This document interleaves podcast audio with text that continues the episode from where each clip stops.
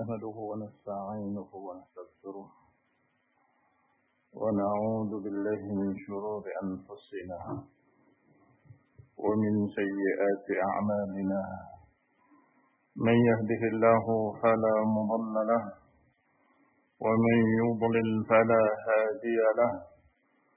وأشهد أن لا إله إلا الله وحده لا شريك له. وأشهد أن محمدا عبده ورسوله صلى الله عليه وعلى آله وأصحابه والتابعين وتابع التابعين ومن تبعهم بإحسان إلى يوم الدين. يا أيها الذين آمنوا اتقوا الله حق تقاته ولا تموتن إلا وأنتم مسلمون. يا أيها الناس اتقوا ربكم الذي خلقكم من نفس واحدة وخلق منها زوجها وبث منهما رجالا كثيرا ونساء.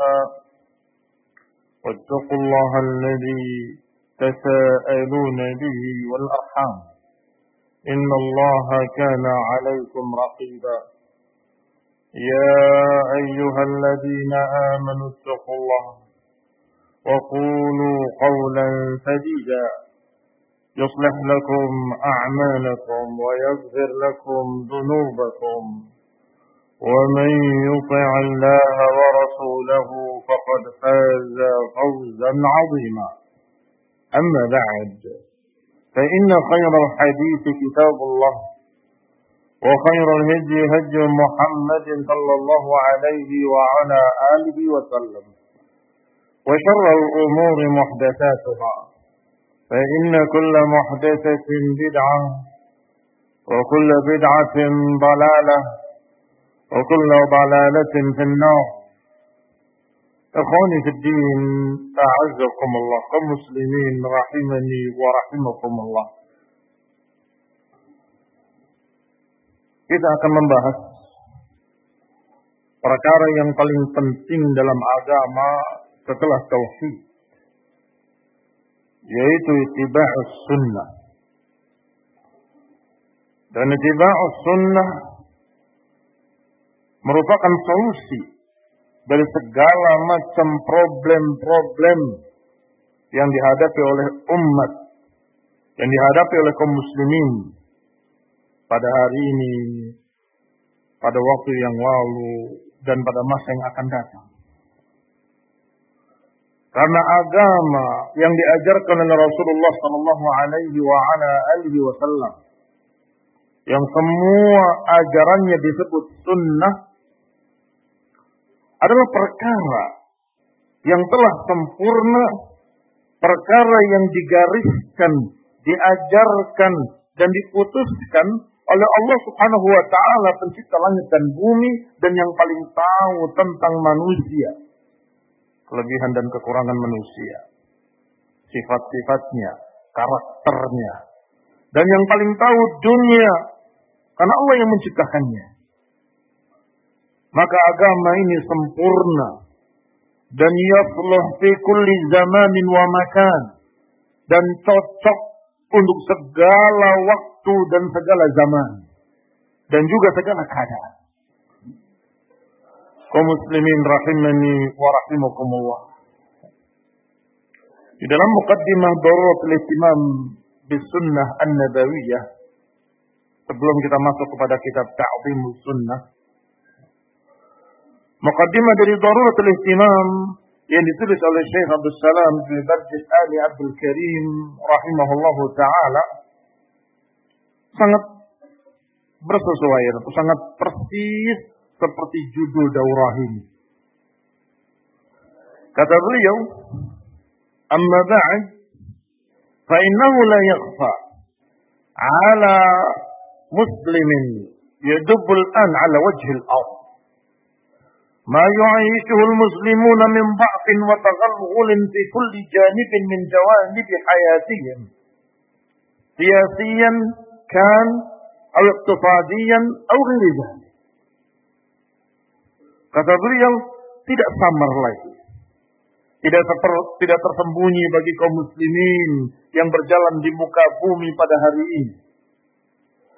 Apa yang dihadapi oleh umat Islam.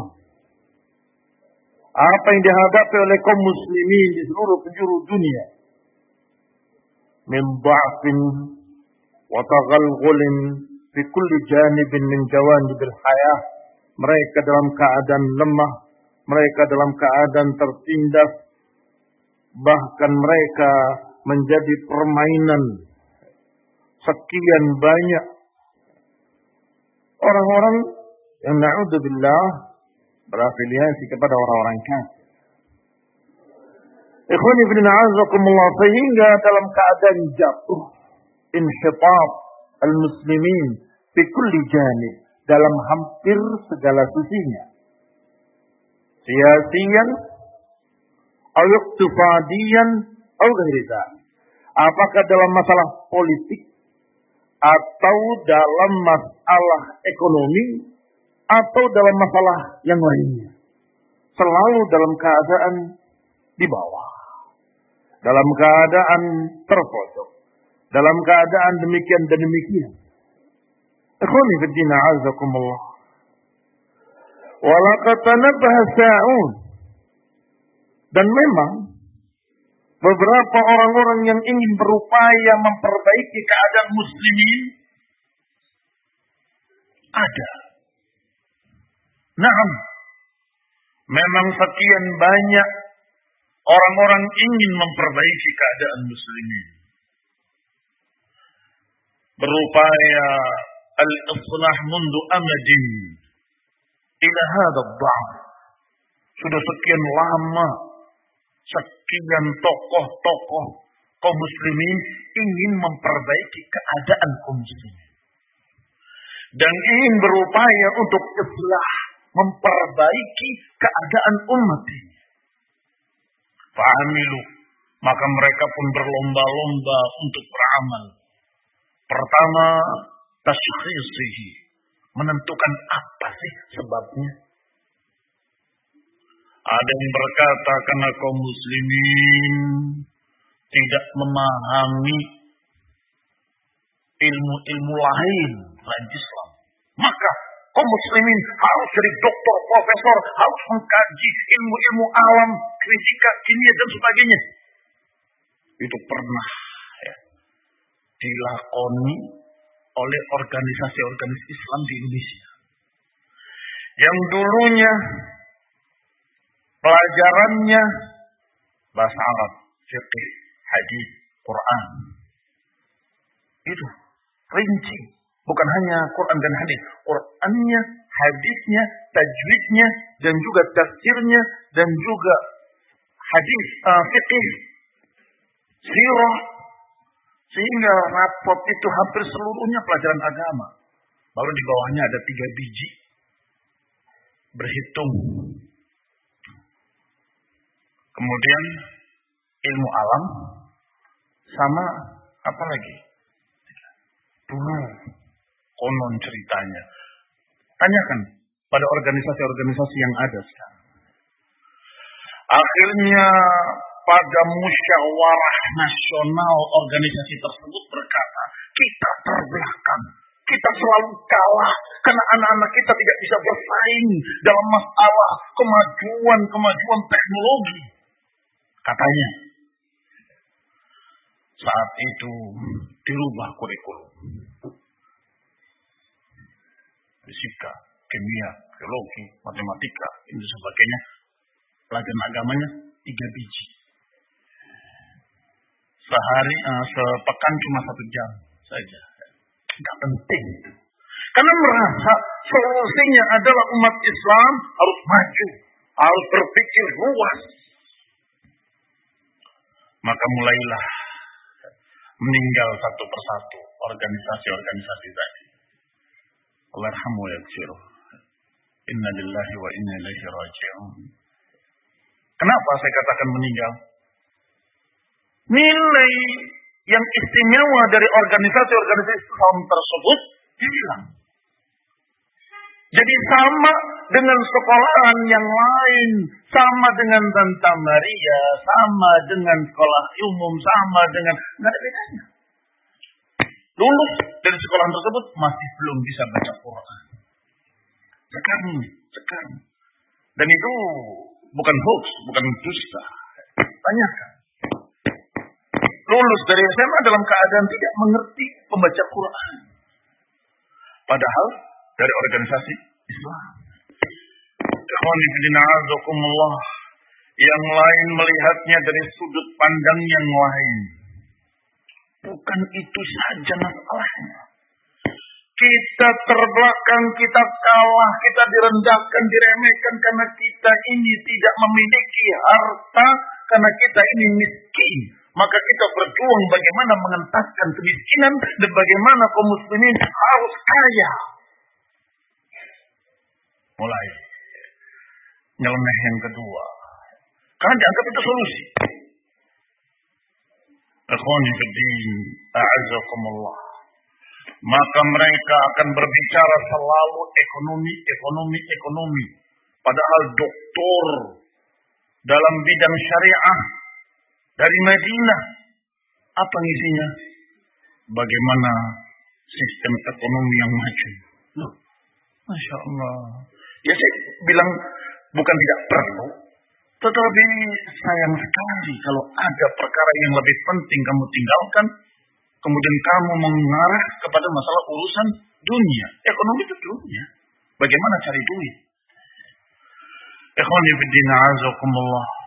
Maka mulailah mereka-mereka yang berupaya untuk memperbaiki umat ini masing-masing dengan caranya sendiri-sendiri. Lihat kata beliau, mereka berupaya untuk tajfisihi wa tahdidihi wa min thamma ala ilajihi wa istiqsalih. Pertama menentukan apa penyebabnya, kemudian memberikan batasan apa batasannya, baru kemudian berupaya untuk memperbaikinya. Ikhwan. Hanya saja, illa tafarraqat. Ternyata jalannya berbeda-beda. Tafarraqat bihim inda. Mereka berpecah-pecah, berbeda-beda idenya untuk memperbaiki umat ini. Sudah sebutkan dua tadi. Yang satu menyatakan harus belajar teknologi, yang satu menyatakan harus memperdayakan ekonomi, yang satu lagi ini tidak akan bisa kita lepas dari keterpurukan kecuali harus menyatukan seluruh kaum muslimin. Maka terbentuklah partai persaudaraan Islam. Syaratnya Ikhwanul Muslimin di Mesir. Mempersatukan seluruh kelompok-kelompok Islam yang sesat, yang menyimpang, yang begini, yang begitu semuanya. Pokoknya kita walaupun berbeda-beda, kita sama. Kedengarannya agak janggal di telinga. Walaupun kita berbeda-beda, tapi sama. Sama-sama Islam. Kalau sama-sama Islam harusnya sama dong Ustaz. Ya walaupun berbeda-beda, tapi kan mereka tujuannya Islam. Banyak jalan menuju Roma. Kita nggak pernah ke Roma dan nggak mau ke Roma. Kita ingin ke Mekah, haji dan umrah. Yang ke Roma itu hum, Nasrani, karena tempat sucinya adalah Roma. Maka mereka mengatakan banyak jalan menuju Roma. Tetapi Rasulullah Shallallahu Alaihi Wasallam membacakan ayat Allah Subhanahu Wa Taala mengatakan tidak seperti itu. Wa anna hadha sirati mustaqiman fattabi'u. Inilah jalanku yang lurus, ikutilah dia. Disebut dengan mufrad atau jamak. Disebut dengan tunggal atau berbilang dengan satu. Sirati mustaqiman, jalanku yang lurus.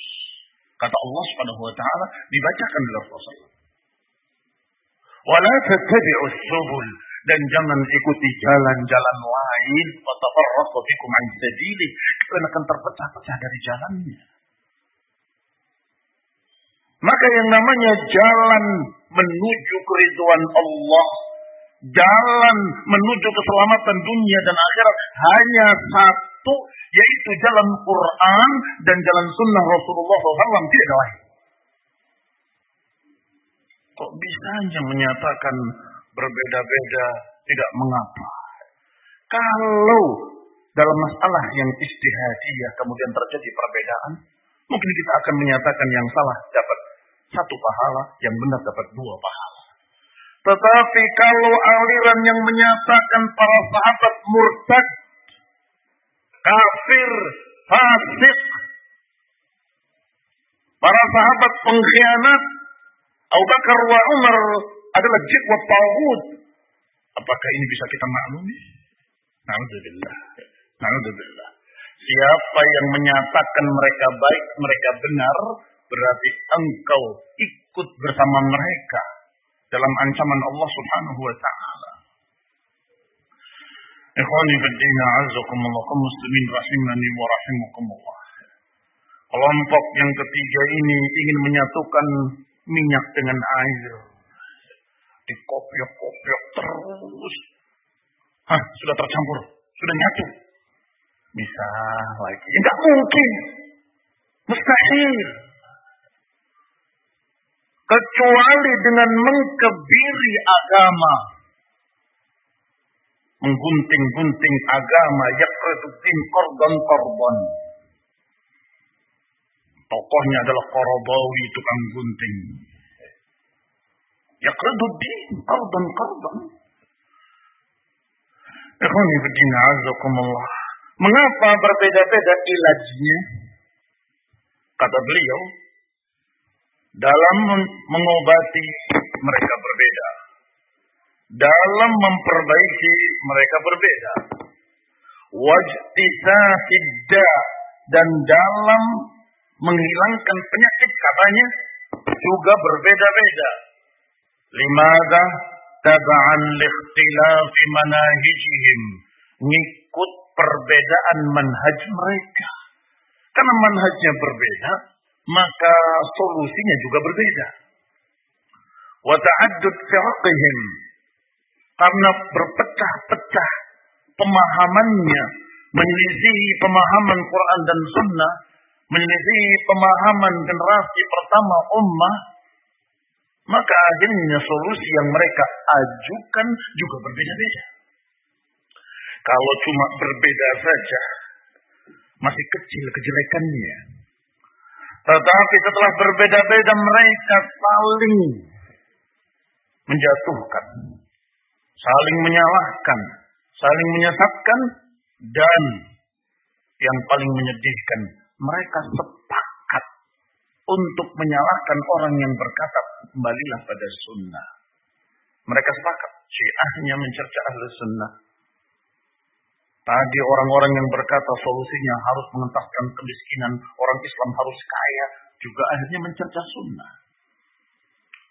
Demikian pula yang katanya ingin menyatukan. Harusnya kalau menyatukan jangan memecah. Tetapi kenyataannya mereka mengatakan pemecah belah umat adalah ahli sunnah. Yang kembali pada sunnah.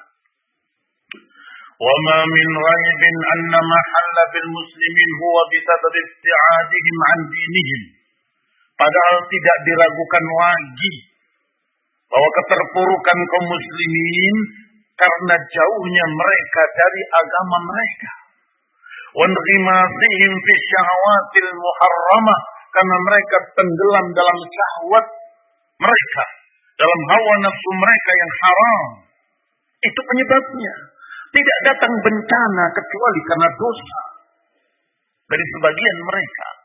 Tidak datang keterpurukan kecuali karena dosa pada sebagian mereka. Itulah raib. Tidak ada keraguan padanya.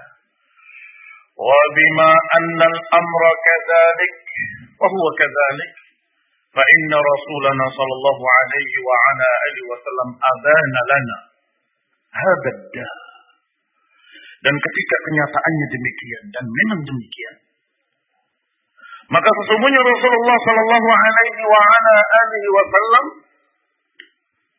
menerangkan, abana, menjelaskan, menjelaskan penyebabnya, menjelaskan apa sebab keterpurukan tersebut. Wa lana dawa'ahu dan beliau menjelaskan apa obatnya. Ini penyebabnya kata Nabi dan ini obatnya. Harusnya seorang muslim mukmin pasti akan menerima solusi dari Rasulullah SAW. Harusnya. Tetapi entah hari ini banyak orang yang sok pintar sehingga mereka menolak ucapan Rasulullah dan mereka justru menampilkan ide yang menurut dia lebih cemerlang, lebih bagus, solusi yang lebih cepat daripada mengikuti sunnah Rasulullah SAW. Astagfirullah. Karena jauhnya mereka dari agama dan karena lemahnya akidah yang ada pada mereka. Lihat Rasulullah Sallallahu Alaihi Wasallam di dalam hadis yang dikeluarkan oleh Abu Daud dalam sunannya dan juga yang lainnya disebutkan dari Abdullah bin Umar radhiyallahu taala anhu Qala sami'tu Rasulullah SAW yaqul aku mendengar Rasulullah SAW bersabda Idza tabaya'tum bil 'inah وأخذتم أذناب البقر ورضيتم بالزرع وتركتم الجهاد سلط الله عليكم ذلا لا ينزعه حتى ترجعوا ila dinikum. Kata beliau alaihi salatu wassalam, jika kalian telah berjual beli dengan cara inah, dengan cara riba, kemudian kalian mengambil ekor-ekor sapi, sebagian menafsirkan bahwa itu adalah peternakan, sebagian lain berbicara bahwa itu adalah cemeti, cambuk. Artinya, diktator. Waraditum bizara dan kalian ridha dengan perkebunan-perkebunan. Ketika melihat zarak perkebunan, Sepertinya adnabal baqar cocok dengan peternakan. Wa taraktumul jihad dan kalian meninggalkan jihad. Sallallahu alaikum dullan la yanzi'uhu hatta tarji'u ila dinikum. Niscaya Allah akan menimpakan pada kalian dullan, kerendahan, kehinaan, keterpurukan. Dan terus begitu. Hatta tarji'u ila dinikum sampai kalian kembali kepada agama kalian.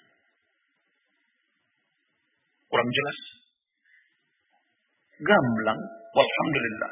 Enggak perlu ditambah penjelasan apa pun, cukup diterjemahkan. Kata Nabi Shallallahu Alaihi Wasallam, kalau kalian sudah bergampang-gampangan dengan riba, kalian sudah riba dengan dunia peternakannya, dan juga perkebunannya. Kemudian kalian meninggalkan perjuangan di jalan Allah. Maka tunggu, kata Nabi. Sallallahu alaikum dullan. Kalian akan ditimpa kehinaan, kerendahan, keterpurukan. Terus demikian hatta tarjihu ila dinukum. Sampai kalian kembali kepada agama kalian. Penyakitnya disebut obatnya disebut. Apa penyakitnya di dalam hadis ini? Hubbud dunia. Mengejar-ngejar dunia. Akhadtum adnab al-baqar waraditum bizara. Dan karena dunia kalian menghalalkan yang haram yaitu riba. Itu awalnya, itu sebabnya Allah murka, Allah berikan dullan. Allah berikan keterhinaan, keterpurukan. Baik solusinya. Kata Nabi tarji'u ila dinikum kalian kembali kepada agama kalian. Kembali kepada agama maknanya pelajari kembali agamanya dan kerjakan. Pelajari kembali agama dan kemudian kerjakanlah apa yang Allah perintahkan dan tinggalkanlah apa yang dilarang. Kerjakanlah apa yang Rasulullah ajarkan dan jauhilah apa yang Rasulullah SAW larang. Fal wahid. Maka satu-satunya jalan. Satu-satunya solusi. Dari kehinaan dan keterpurukan ini adalah rujuk ila syar'illah. Kembali kepada syariat Allah subhanahu wa ta'ala. Dan beramal dengan ajaran agama. Jangan nunggu. Mau ngapain kita beramal? Toh negara Islam belum berdiri. Ini seperti dongeng orang yang berkata, ini mau hujan. Air ada yang ada bejana, ditumpahkan. Tunggu, hujan turun. Lo ngapain air yang di bejana ditumpahkan? Iya kalau jadi hujannya, kalau nggak jadi, kamu kehausan. Menunggu hujan turun, air di bejana ditumpahkan. Oh, ini sudah mendung. Ini air, buang saja. Tungguin. Apa kamu katakan? Bodoh kan? Ngapain? Ini juga sama. Nanti kalau negara Islam berdiri, nanti kalau negara Islam berdiri, nanti kalau syariat Islam sudah diterapkan, nanti kalau syariat Islam sudah diterapkan, yang sekarang kamu bisa kerjakan, kenapa nggak dikerjakan? Di Sulawesi sana ada sekelompok orang dalam keadaan tidak ada sunnah dari ujung rambutnya sampai ujung kakinya. Dalam keadaan ngadu ayam, sabung ayam, bermaksiat, segala macam. Bahkan sebagian mereka sholat pun tidak. Ditanya, kenapa? Nunggu kalau negara Islam berdiri. Sisa-sisa dari Khawarij yang dulu. Kasihan bergelimang maksiat, fasik, urusannya dengan kesia-siaan, alasannya nunggu. Belum kot komati sholat katanya. Apa maksudnya belum kot komati sholat? Ya kan adanya kan sudah sejak dulu. Hayya alal jihad. Tinggal komatnya katanya. Komatnya kapan? Ya gak tahu tergantung imam. Mereka baik sama imam. Ini khonibdina azakumullah adalah kebodohan. Sama yang sejenis ini adalah lembaga kerasulan yang dulu pernah ramai di Bandung dan di tempat lain selain Bandung. Kata mereka bahwa Islam itu dibagi dua fase. Fase Madinah dan fase Mekah. Fase Mekah, kemudian fase Madinah. Fase Mekah itu ketika belum ada negara Islam. Fase Madinah setelah ada negara Islam. Maka karena kita sekarang ini masih fasenya fase Mekah, belum ada negara Islam, maka kita akan dan kita hanya memakai ayat-ayat Mekah saja. Berapa syariat yang hilang? Berapa syariat yang mereka tinggalkan? Banyak sekali. Karena di Mekah waktu itu banyak ayat turun tentang akidah. Masalah hari kiamat, masalah hari hisab, masalah masyar, masalah perhitungan, timbangan nilai akhir. Adapun masalah hukum, ini kerjakan, ini kerjakan, itu di Madinah. Maka semua itu mereka tinggalkan. Mengapa? Itu ayat Madinah. Nanti kerjakannya di Madinah. Maksudnya, kok di Madinah? Ya nanti kalau sudah berdiri negara Islam, baru itu fase Madinah. Sekarang masih fase Mekah. Kita kerjakan apa yang di Mekah saja. Oh, ini sama dumunya dengan yang tadi. Ikhwan ibadina azakumullah. Itu semua barakallahu fiikum. Adalah khayalan-khayalan bodoh mereka. Karena mereka tidak mengerti agama. Terbalik.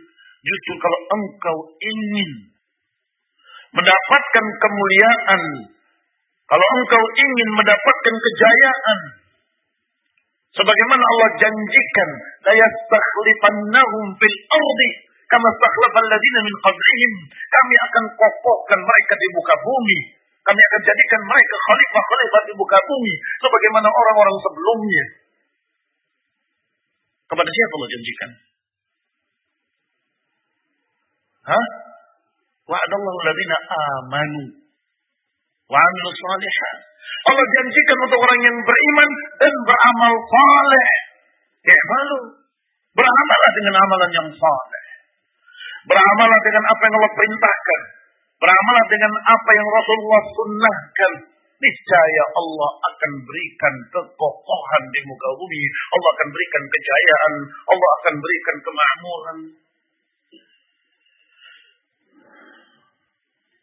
Yang lain memiliki solusi yang keempat.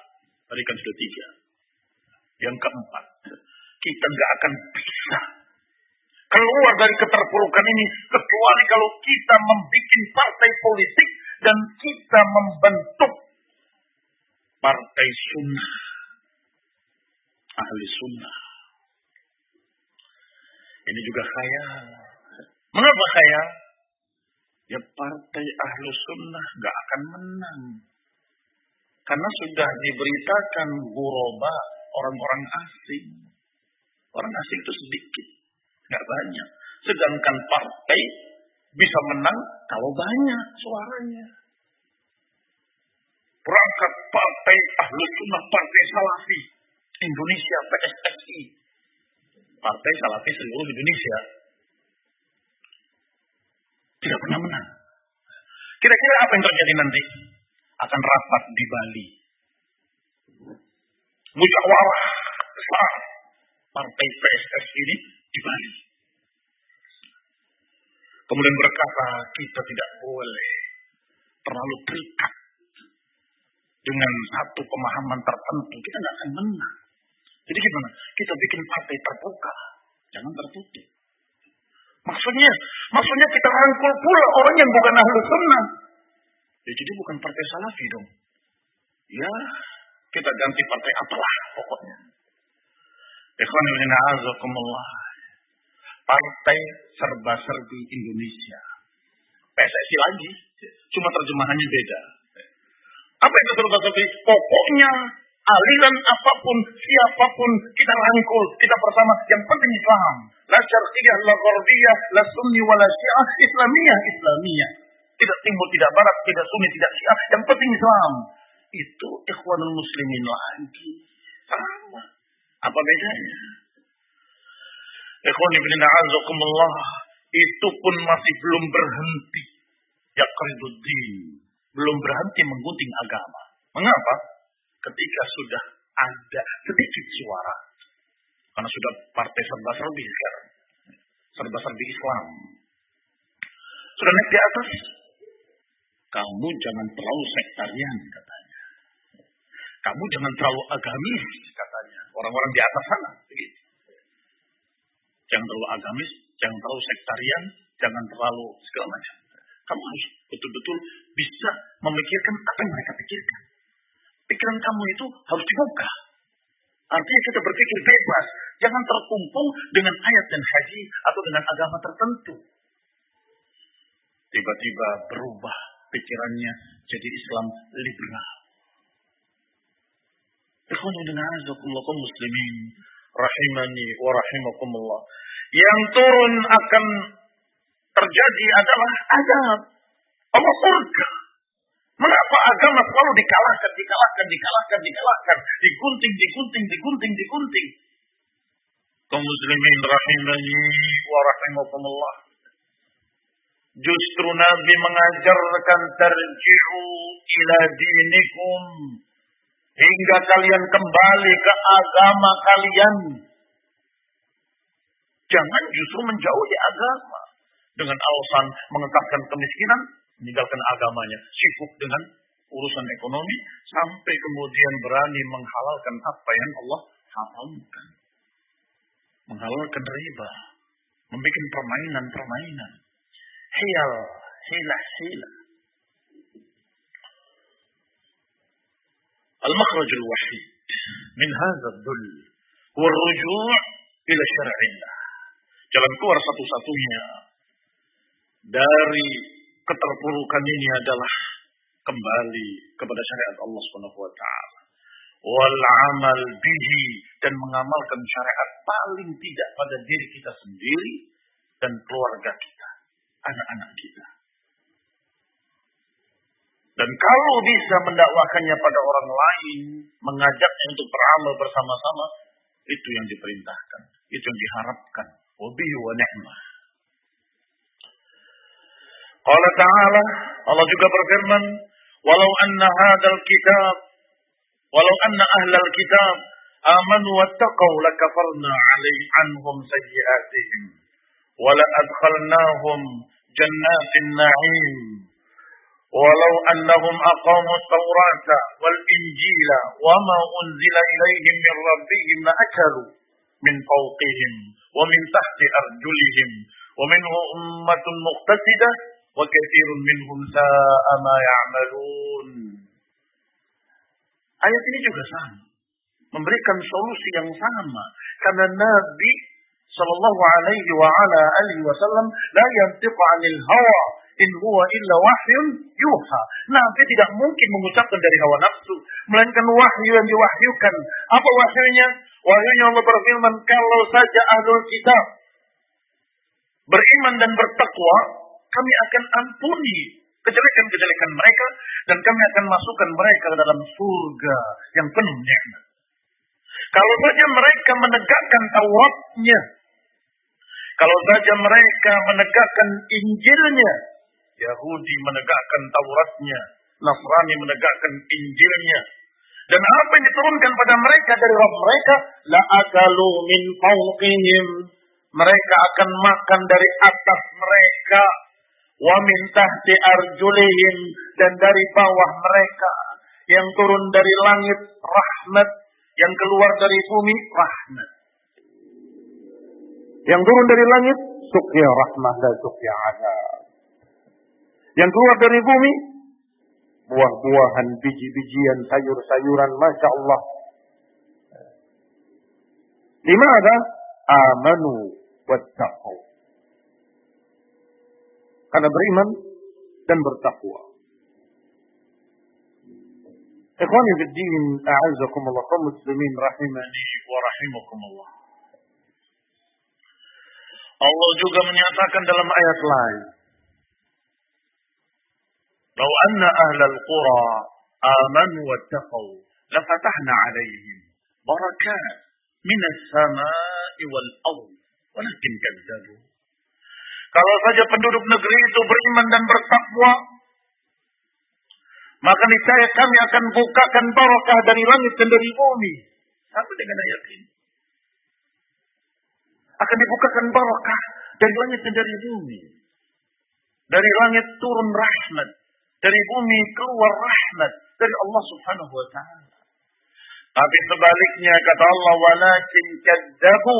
Tetapi mereka mendustakan maka kami timpakan pada mereka ada sebagian mereka ditenggelamkan dalam bumi.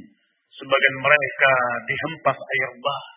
Sebagian mereka dihujani dengan batu Sebagian mereka diazab dengan awan yang panas. Itu semua bentuk-bentuk azab yang pernah turun di masa-masa lalu. Pada umat-umat yang Allah kisahkan dalam Al-Quran. Dengan sombongnya melihat awan yang gelap. Menyatakan hada aridun mumtiruna. Ini aridun mumtiruna. Ini awan yang akan berikan kita hujan. Kata Allah, bal huwa masta'jaltum bih rihun fiha adabun alim. Bahkan itu kata Allah adalah apa yang kalian tantang-tantang, apa yang kalian tantang waktu itu. Ini sekarang datang. Itu adab. Rihun fiha adabun alim. Angin yang mengandung adab yang pedih. Ikhwani bidina azakumullah sebagian mereka dikenai angin sor-sor yang sangat dingin. Tujuh malam delapan hari atau tujuh hari delapan malam. Sab'a layalin wa tamaniyata ayyam. Tujuh malam, delapan hari. Terus menerus. Apa jadinya mereka? Fa'asbahu fi darihim jasimin. Mereka menjadi bangkai-bangkai di rumah mereka. Rumahnya nggak hancur. Rumahnya memakai teknologi modern. Loh, modern kan yang sekarang, Ustaz. Kata siapa? Saya belum tahu. Ada orang sekarang yang bisa membangun sehebat mereka. Kaum Ad dan kaum Samud. Silahkan. Kalau tidak percaya. Gunung-gunung itu diukir jadi istana. Yang tidak hancur sampai sekarang masih utuh. Coba bangunan kita sekarang ini. Belum sampai dua tahun sudah hancur. Rusak. Kena hujan kemarin. Ya kamu sudah berpikir bahwa sebentar lagi pada musimnya akan ada hujan. Kau gak berpikir bagaimana supaya kokoh dan anti hujan? Ya bisa sih bisa. Lah tapi kenapa? Ya nggak ada proyek lagi nanti. Ini kaum muslimin rahimani wa rahimakumullah. Sebagian mereka memang tidak mampu. Kekuatannya terbatas. Sekali hempas habis nggak tersisa. Rusak semuanya. Tidak menolong mereka keahlian mereka. Tidak menolong mereka kekuatan mereka. Tidak menolong mereka kecerdasan mereka. Tidak menolong mereka. Ketika Allah turunkan azab, Allah turunkan azab yang benar-benar mengadab mereka. Allah maha tahu bahwa bangunanmu kalau digoyang nggak hancur karena batu dilubangi oleh mereka. Betapa kuatnya mereka.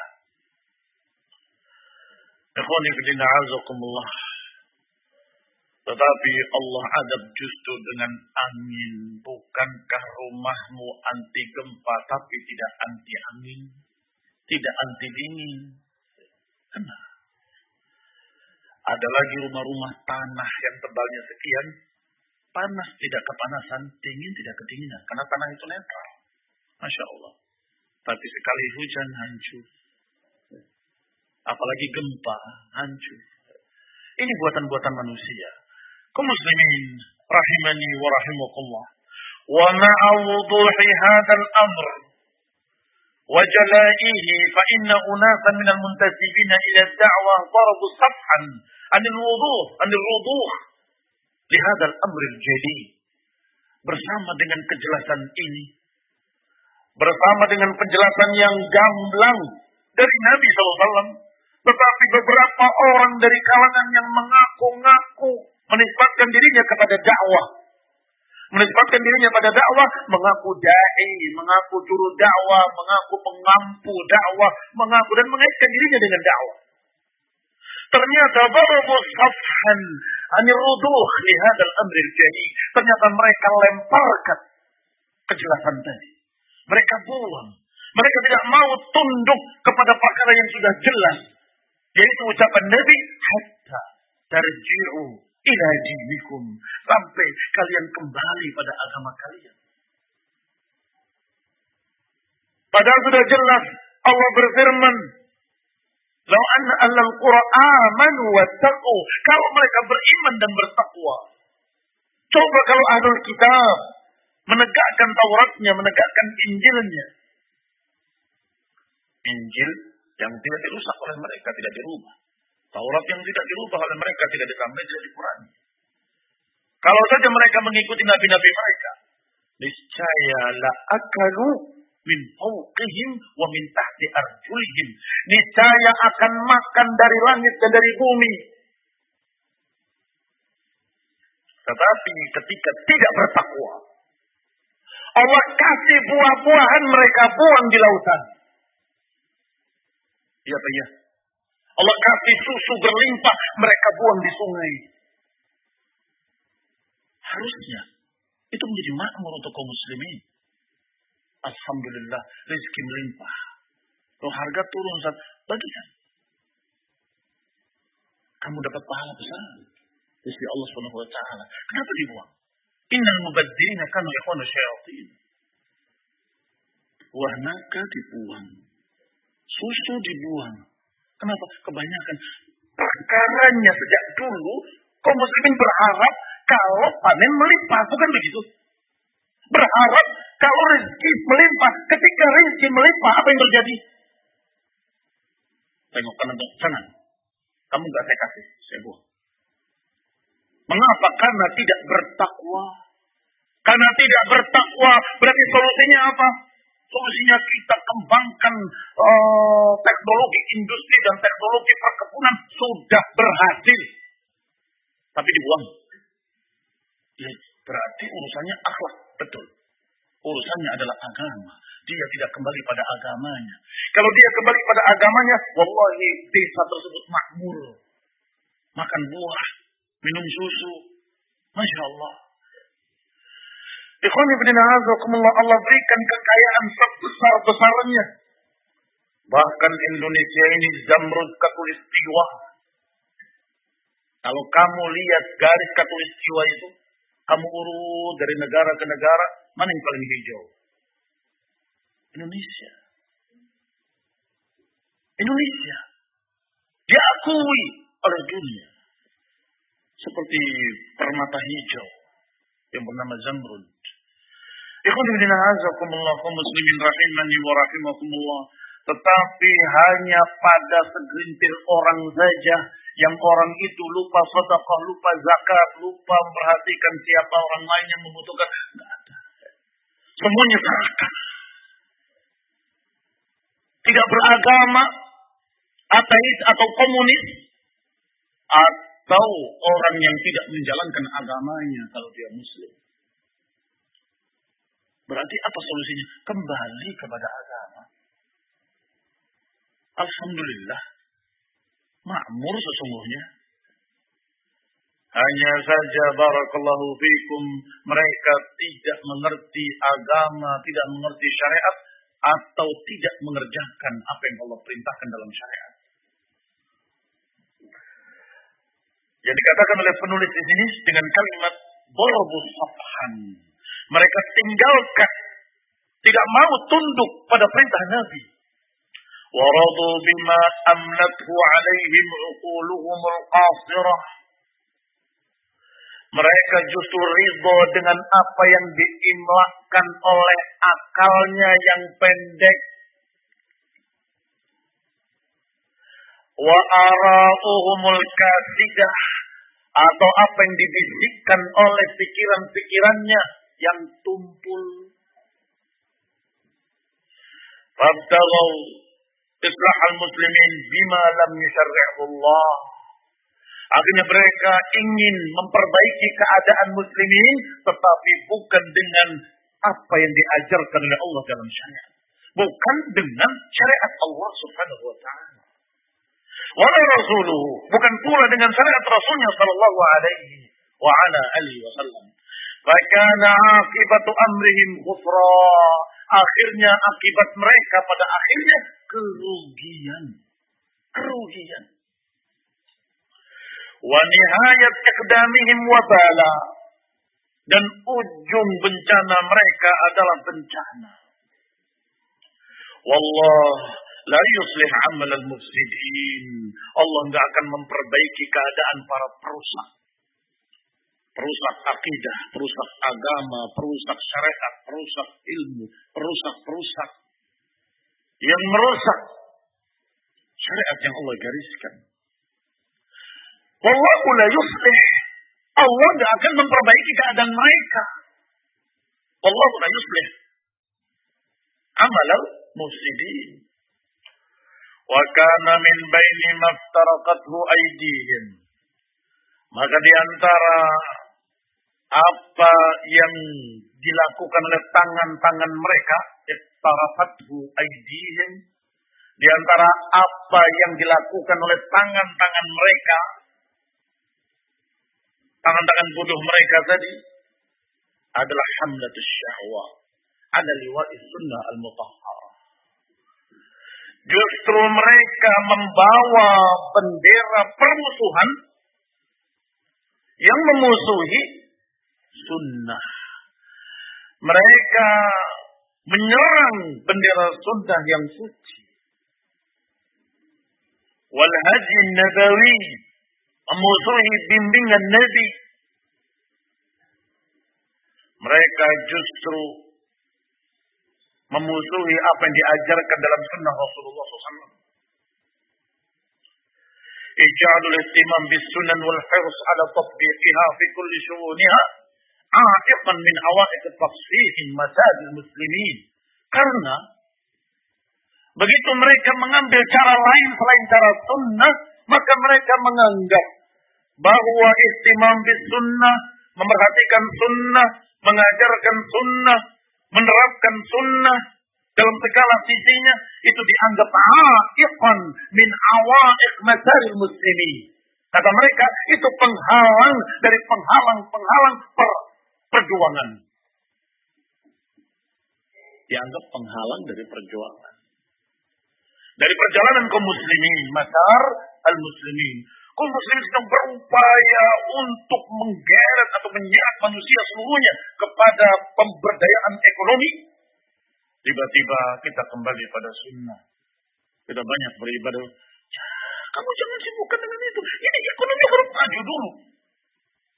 Disalahkan yang berbicara tentang sunnah. Ya wailah. Kalau mau menceritakan cerita-cerita para salaf. Lebih marah lagi mereka. Bahwa ada sahabat yang rumahnya kalau berdiri kepalanya nyentuh atapnya. Kalau tidur kakinya nggak bisa lurus. Karena kecilnya. Dan tidak punya perabot kecuali bejananya.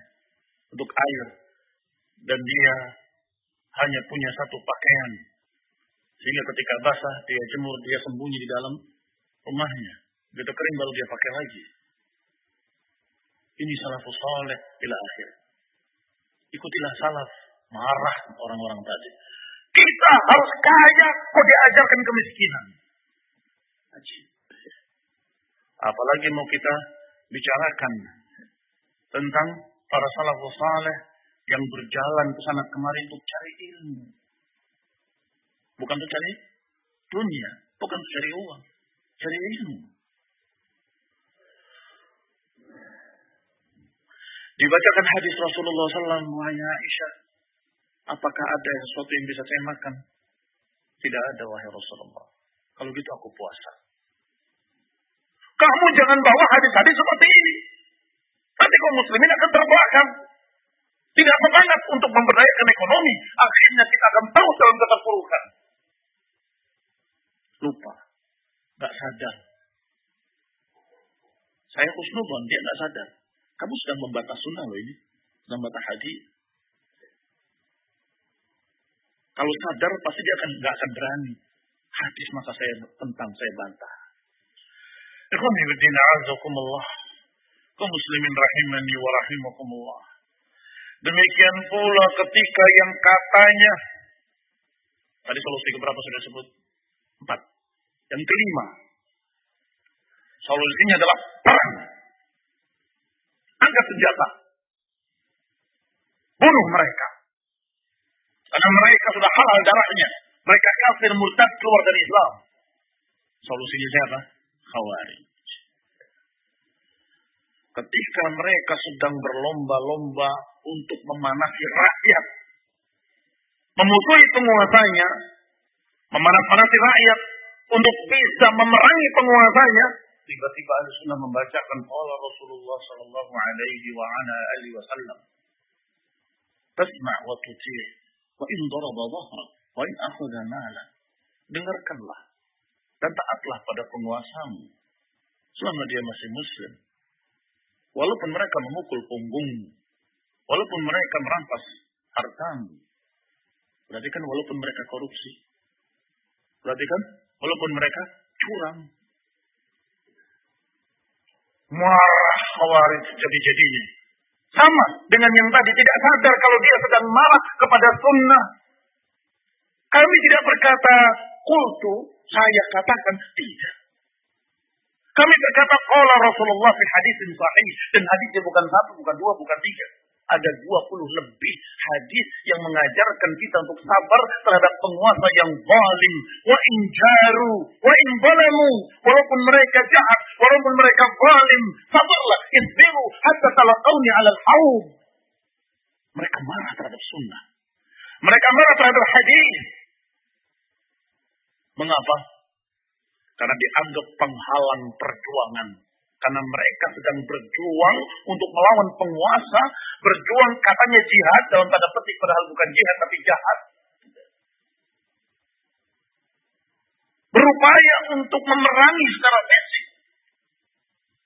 Tiba-tiba kita menyatakan esbiru atau talaqawni alal haud. Apa kata mereka? Sabar, sabar terus sampai kapan? Kita mau sabar. Kamu sedang bantah siapa? Sedang bantah saya?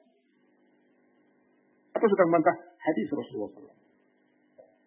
Saya bacakan kala Rasulullah SAW. Mereka bukan muslim, mereka kafir. Bukankah Nabi menyatakan selama mereka masih muslim? Ada hadis yang lain. Dengarkan ya. Kala Rasulullah SAW.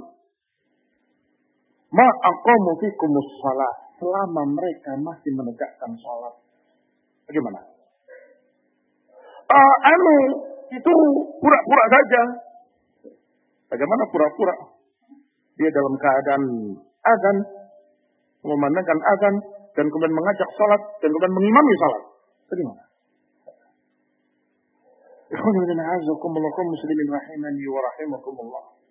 Banyak keanehan-keanehan dari mereka. Katanya ingin solusi, tetapi dikasih solusi nggak mau. Kita harus mengentaskan keterpurukan. Kita harus memperbaiki keadaan kaum muslimin. Kita harus berjuang bagaimana kaum muslimin menjadi mulia kembali. Menjadi begini dan begitu. Baik solusinya, Nabi menyatakan kalau kalian meninggalkan perjuangan jihad, kalian sibuk dengan dunianya, peternakannya dan sebagainya, akan ditipak kerendahan. Dan itu akan terus demikian sampai kalian kembali kepada agama kalian. Kembali kepada agama perlu didudukkan. Karena mereka memakai hadis ini juga. Khawarij memakai hadis ini juga. Dan berkata, kembali kepada agama, maksudnya kembali pada jihad. Bukankah di awal hadisnya menyatakan kamu tinggalkan jihad jadi rendah, maka kita tegakkan jihad mulia kembali. Itu satu dari sekian ratus ribu syariat yang dikatakan din.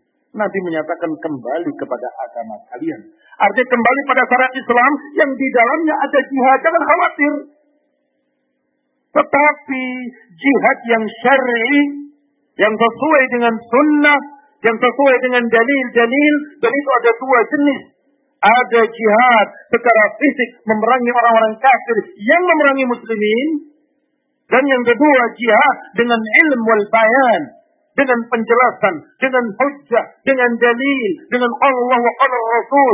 Kita bantah apa yang salah, kita luruskan apa yang bengkok, kita ingatkan siapa yang lupa, itu juga jihad. Bahkan kata Syekhul Islam, itu jihadul khawas.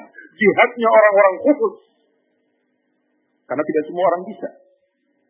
Kalau jihad membawa pedang, siapa yang tidak cacat bisa. Harus berangkat. Tetapi orang yang ingin berjihad dengan ilmu, tidak akan bisa kecuali ulama atau ahlul ilmi, orang-orang yang berilmu. Maka dikatakan jihadul khawas. Tapi kalian lupakan. Kalian tidak anggap itu sebagai perkara penting. Bahkan kalian merendahkan ulama. Ulama itu dibagi dua. Ada ulama haroki, ada ulama waroki. Ulama haroki itu yang membuat harakah-harakah, gerakan-gerakan perjuangan. Itu ulama haroki. Itu yang hebat, itu yang ingin dipuji-puji. Sampai tinggi langit. Adapun ulama waraki, ulama kertas.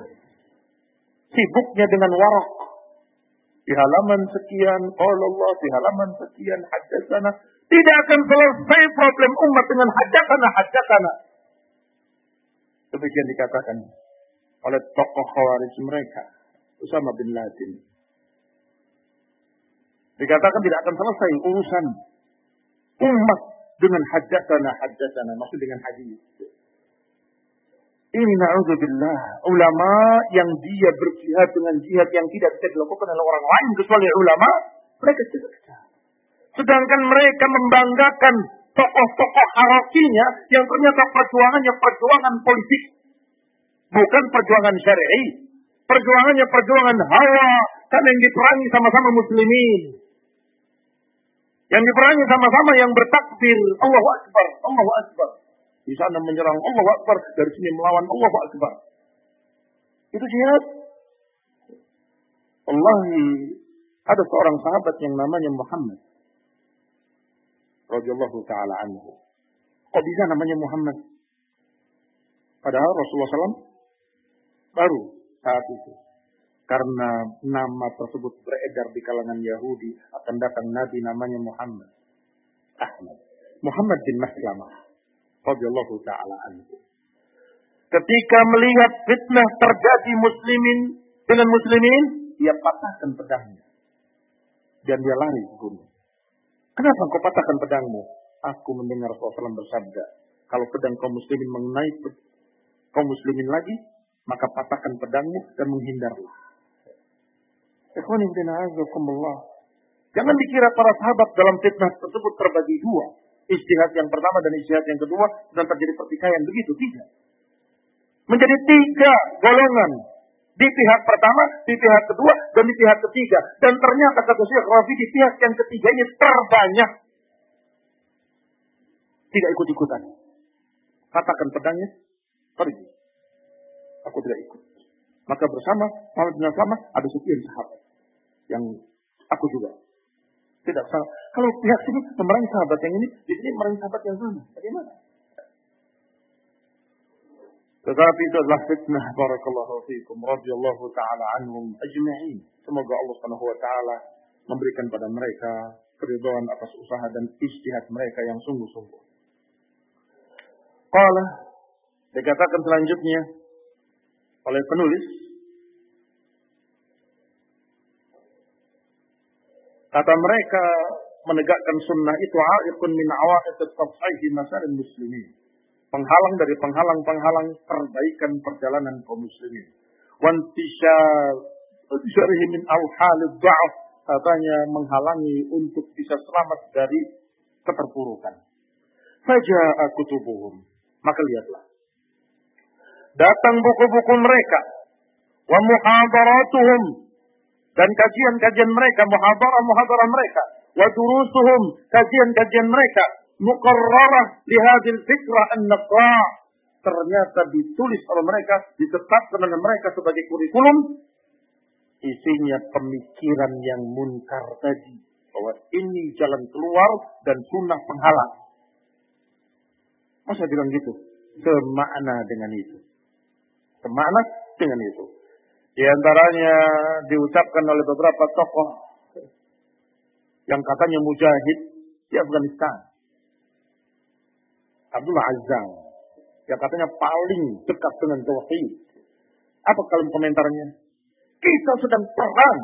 Jangan berbicara tentang masalah gunting kuku, jangan bicara masalah uh, jenggot, jangan bicara masalah seakan-akan berbicara jenggot, berbicara tentang sunnah fitrah itu menghalangi perjuangan. Itu keanehan keanehan. Berbeda sekali 180 derajat dengan pasukan kaum muslimin di masa akhir para sahabat ketika mereka menyeberangi sungai Efrat. Sebelum menyeberangi sungai Efrat, panglimanya berkata, apakah di antara kalian ada yang belum menggunting kukunya? Apakah di antara kalian sudah mencukur bulu ketiaknya atau mencabut bulu ketiaknya? Dia absen oleh komandannya. Sudah semua? Sudah semua. Kita lewati. Maka berjalanlah kuda-kuda tadi menyeberangi sungai Efrat. Subhanallah. Ternyata kuda-kuda tadi berjalan di atas air. Dan itu masyhur kisahnya. Muslimin. Bukan mereka sengaja ingin atraksi juga. Mereka kira tidak dalam. Itu saja. Ya paling separohnya kaki kuda. Sungai biasanya seperti itu. Ternyata kuda itu Allah takdirkan lebih dari itu hebatnya. Dan nggak bisa diulang. Artinya bukan satu ilmu yang dipelajari. Allah kasih karamah. Karena mereka aulia. Karena mereka menegakkan sunnah. Justru sunanul fitrah adalah pendukung jihad dan perjuangan harusnya. Tapi kenapa? Kalian kok aneh? Mengatakan itu sebagai penghalang. Lihat buku-buku mereka silahkan. Kajian mereka. Ucapan mereka. Tarakan di tasri. Kadang-kadang dengan tasri. Kadang-kadang dengan terang-terangan. Wa. Kadang-kadang dengan sindiran-sindiran. Wa al-asasi bismil sunnah. Dan yang berikutnya dengan nama ghirah, kecemburuan terhadap sunnah. Kecemburuan terhadap sunnah? Kok menghalangi sunnah? Wal hifaz ala awqatil muslimin. Katanya menjaga waktu kaum muslimin. Jangan buang-buang waktu katanya. Astagfirullah. Jangan buang-buang waktu berbicara tentang jenggot, berbicara tentang puting kuku, berbicara tentang bulu ketiak. Ini kita sedang perang, sedang jihad. rahimahullah.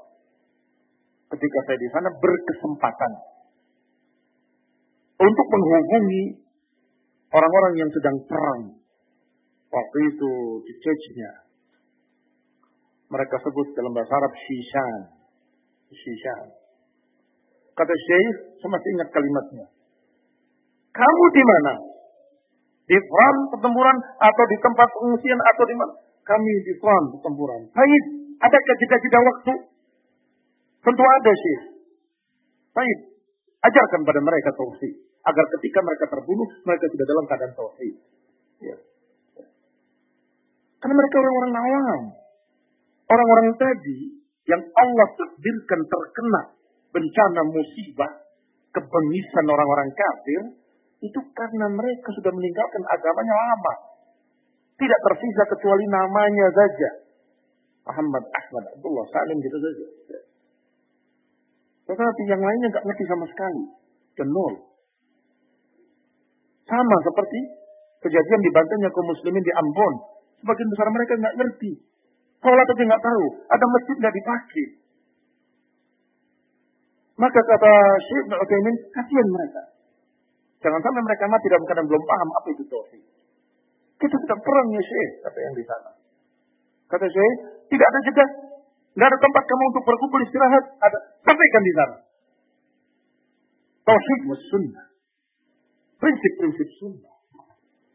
Ikhwani fillah azakumullah muslimin rahimani wa rahimakumullah tidak bertentangan mempelajari sunnah, mempraktekkan sunnah, mendakwakan sunnah, tidak bertentangan dengan jihad. Kalau jihadnya syar'i, kalau jihadnya tidak syar'i, ya pasti bertentangan. Jihadnya ternyata bukan jihad, tetapi naudzubillah itu adalah revolusi bid'ah mereka yang katanya ingin merebut kekuasaan. Padahal mereka masih muslimin ambisi. Maka ketika disampaikan sunnah mereka marah. Karena merasa bertentangan. Ikhwani fiddina azakumullah muslimin rahimani wa rahimakumullah. Mempelajari sunnah dianggap menghabiskan waktu. Inna lillahi wa inna ilaihi raji'un. Fatawran yusanni'una ala fa'ili sunnah. Kadang-kadang mereka mencerca orang yang mengerjakan sunnah. Wal muhafid alaiha yang menjaga sunnah. Apa alasannya? Bihujjah tadriqihi wahdatul muslimin bifi'lihi hada. Katanya, alasannya, hujahnya memecah belah persatuan kaum muslimin. Kalau engkau berbicara sunnahnya jenggot, nanti mereka yang tidak pakai jenggot tersinggung. Kemudian menyerahkan kamu dan sudah bertikai, maka kekuatan kita jadi lemah. Aneh kan? Kalau kamu bicara sunnah, nanti ahlu bid'ahnya tersinggung. Kan begitu mana ya? Kalau kamu bicara kerjakan kewajiban-kewajiban, nanti yang ahli maksiat tersinggung. Pantas kan ngomong gitu? Pantas? Kalau kamu mau berjuang, menegakkan Islam, maka tegakkan pada dirimu dulu yang pertama kali. Kamu berjuang dalam keadaan pada dirimu ada Islam, ada syariah, ada iman, ada kelurusan pemahaman, maka insya Allah Allah akan menangkan perjuanganmu karena Allah sudah menjamin wa kana haqqan alaina nasrul mu'minin sesungguhnya mesti atasku wajib atasku kata Allah untuk menolong orang-orang mukmin. Siapa orang mukmin? Orang mukmin itu kalau diperintahkan sami'na wa ta'ana kalau dikatakan ini sunnah sami'na wa ta'ana aman. Kalau ada orang yang dikasih sunnah menyatakan saya tidak mau. Kalau ini hadis. Ya walaupun sahih. Tetapi ini wajib, menurut kamu wajib. Ila akhirnya. Mau apa? Apakah pantas dia memperjuangkan agama? Tegakkan syariat Islam, tegakkan syariat Islam. Berbaris di depan istana. Tetapi dalam keadaan dari ujung rambut sampai ujung kaki nggak ada sunnah. Maka penonton kecewa. Mana yang kalian perjuangkan? Tegakkan syariat Islam. Kamu sendiri kan tegakkan syariat Islam. Mana syariat Islamnya? Kaum muslimin rahimani wa rahimakumullah. Itu terjadi. Bahkan caramu dengan demonstrasi itu bukan syariat Islam. Apalagi yang lainnya. Wa tawran fi darurati ma'rifatil waqi' Dan kadang-kadang pula mereka akan meninggikan dengan ekstrim, wulu, melampaui batas tentang pentingnya fiqhul. Pentingnya fiqhul. Diawali dengan kalimat kalau sekarang santri harus ngerti politik. Bagaimana kalau nggak ngerti politik? Kamu akan ditipu, kamu akan dibodohin. Awalnya itu. Apa yang kedua? supaya ngerti politik, baca berita. Saya sudah baca berita. Berita apa yang kamu baca? Jangan satu. Semua channel TV, TV kamu baca, kamu dengar. Semua itu kamu ambil. Kamu banding-bandingkan agar kamu mau politik. Terus belajarnya kapan? Mempelajari sunnahnya kapan? Kamu dalam keadaan genting seperti ini sedang perang. Kamu bicara sunnah, sunnah, sunnah. Marah lagi pada sunnah. Ikhwani fidina azallakum muslimin rahimani wa rahimakumullah. Akhirnya yang tadinya duduk di masjid menghafalkan Quran, Masya Allah. Yang tadinya duduk bersimpuh di hadapan para ulama, bermajlis, menimba ilmu, tiba-tiba masjid sepi. Pada nongkrong di depan TV.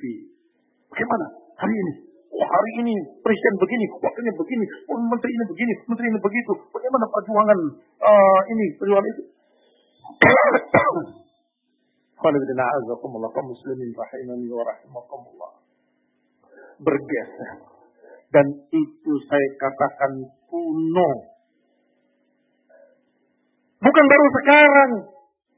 Gambaran perjuangan seakan-akan benar-benar perjuangan besar itu bukan baru sekarang. Dulu juga di Mesir, zaman pertama Ikhwan Muslimin sama. Seperti itu. Dan kemudian tersebar ke seluruh dunia. Racun ikhwaniyahnya. Kita harus waspada. Kita harus melek dalam keadaan tahu situasi dan kondisi politik. Ternyata gaung tersebut tidak berhenti terus bergaung sana bergaung ke sini sampai hari ini di Indonesia ini kalian harus ikuti perkembangan politik ini. Bahaya kalau kalian nggak ikut. Kalau kalian nggak tahu menang kalian akan diinjak. Tidak akhirnya kalimat-kalimat yang seakan akan hak. Padahal kalimat yang kuno yang sudah kita dengar sejak lama. Sejak tahun 70-an, 60 sekian. Ikhwan ibn a'azakumullah. Kaum muslimin rahimani wa rahimakumullah. Kalau saya dengarnya umur uh, tahun 80-an. Nah, tahun 60 sekian saya baru lahir. Tetapi kejadian di masjid tahun itu. Barakallahu fikum. Sampai kemudian Said Kutub digantung, asal Hasan al-Bananya ditembak, ila akhirnya. Dimulai dari mereka yang membunuh, berusaha membunuh Presiden Mesir. Ikhwan ibn kaum muslimin rahimani wa rahimakumullah. Demikianlah situasi politik pertumpahan darah pertumpahan darah tetapi tidak menyelesaikan apa-apa. Dari sana korban, dari sini korban, tidak menyelesaikan apa-apa. Dulu berapa yang terbakar, berapa yang terbunuh, berapa yang hancur untuk menurunkan Soeharto. Setelah Soeharto turun, ada perubahan? Ya kurang lebih. Ada kurangnya, ada lebihnya. Ada lebihnya, ada kurangnya. Barakallahu bahkan banyak yang rindu. Enak zaman itu toh katanya. Alhamdulillah, muslimin rahimani wa rahimukumullah. Yubalighuna fi darurat ma'rifatul waqi'. Mereka gulu berlebihan dalam katanya harus mempelajari ilmu waqi'.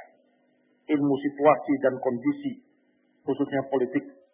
Hatta yusraf nas 'anil ilmi syar'i wal inayah bis sunnah hingga menggeser manusia dari ilmu syar'i dan perhatian pada sunnah ila mutaba'atil jaraid akhirnya lebih memperhatikan koran-koran wal majallat majallah-majallah wa akhbar dan berita-berita politik fayusbihul manduh man ughraqa fi al-umur maka orang yang terpuji adalah orang yang tenggelam dalam berita politik. Ini tahu itu tahu ini tahu. Wah ini namanya pejuang Islam.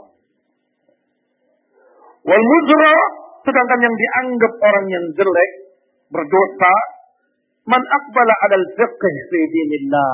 Kalau ngaji fikih, mempelajari agama, dari agama Allah, akafa ala sunan, atau dia berdiam diri untuk mempelajari agama Islam, ngaji, ta'alluman wa amalan, dalam mempelajari dan mengamalkan, dikatakan orang ini orang jelek kamu tidak mengurusi kaum muslimin. Kamu tidak mementingkan umat Islam. Kamu hanya ngaji, ngaji, ngaji saja. Orang ngaji dimarahi. Aneh kan? Mengapa?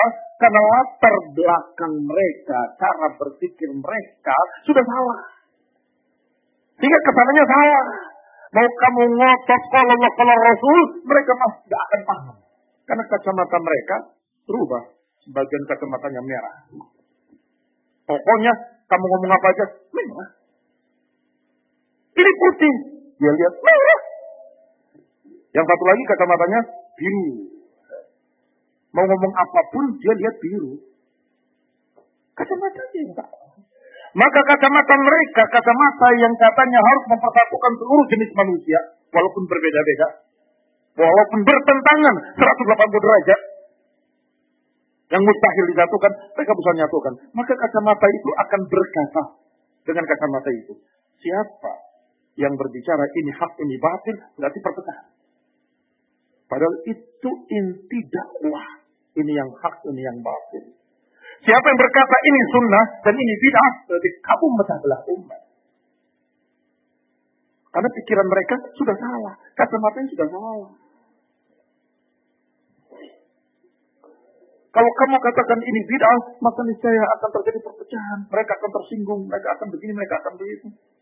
Nah, terus apa fungsinya dakwah? Kalau begitu, apa makna ucapan Rasulullah man ra'a minkum munkaran falyughayyirhu biyadihi fa in lam yastati' fa bilisani? Apa maknanya? Kalau lihat kemunkaran, tegurlah. Kita menegur, jangan memecah belah umat. Jadi, khotib di mimbar naik harus berkata semua benar. Kamu benar, kamu benar, kamu benar. Silakan kamu berbuat apapun, silakan pahami dengan pahaman apapun. Wassalamualaikum. Begitu.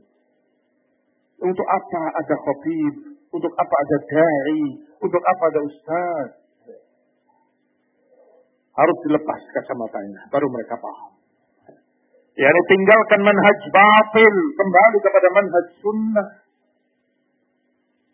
فلما خرجت هذه الزوابل في وجه السنة وتخلى عن تزييفها كثير ممن ظننا أغير من نرى على السنة استعنت الله تعالى فكتبت هذه الرسالة راجيا منه تعالى أن يجعلها له خالصا وأن يعم بنفعها الجميع kata beliau ketika falamma kharaj kharajat hadhihi zawabit ketika muncul kejadian-kejadian seperti ini masing-masing ingin memperbaiki umat tetapi caranya nyeleneh-nyeleneh dengan caranya masing-masing dikasih solusi oleh Nabi SAW kembali pada agama mereka tidak terima maka saya tulis buku ini yaitu Daruratul Istimam di Sunnah An-Nabawiyah pentingnya atau wajibnya mementingkan sunnah.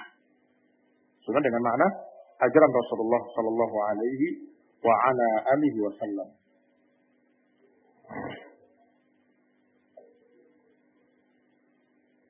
Kemudian beliau berkata di awal mukaddimahnya,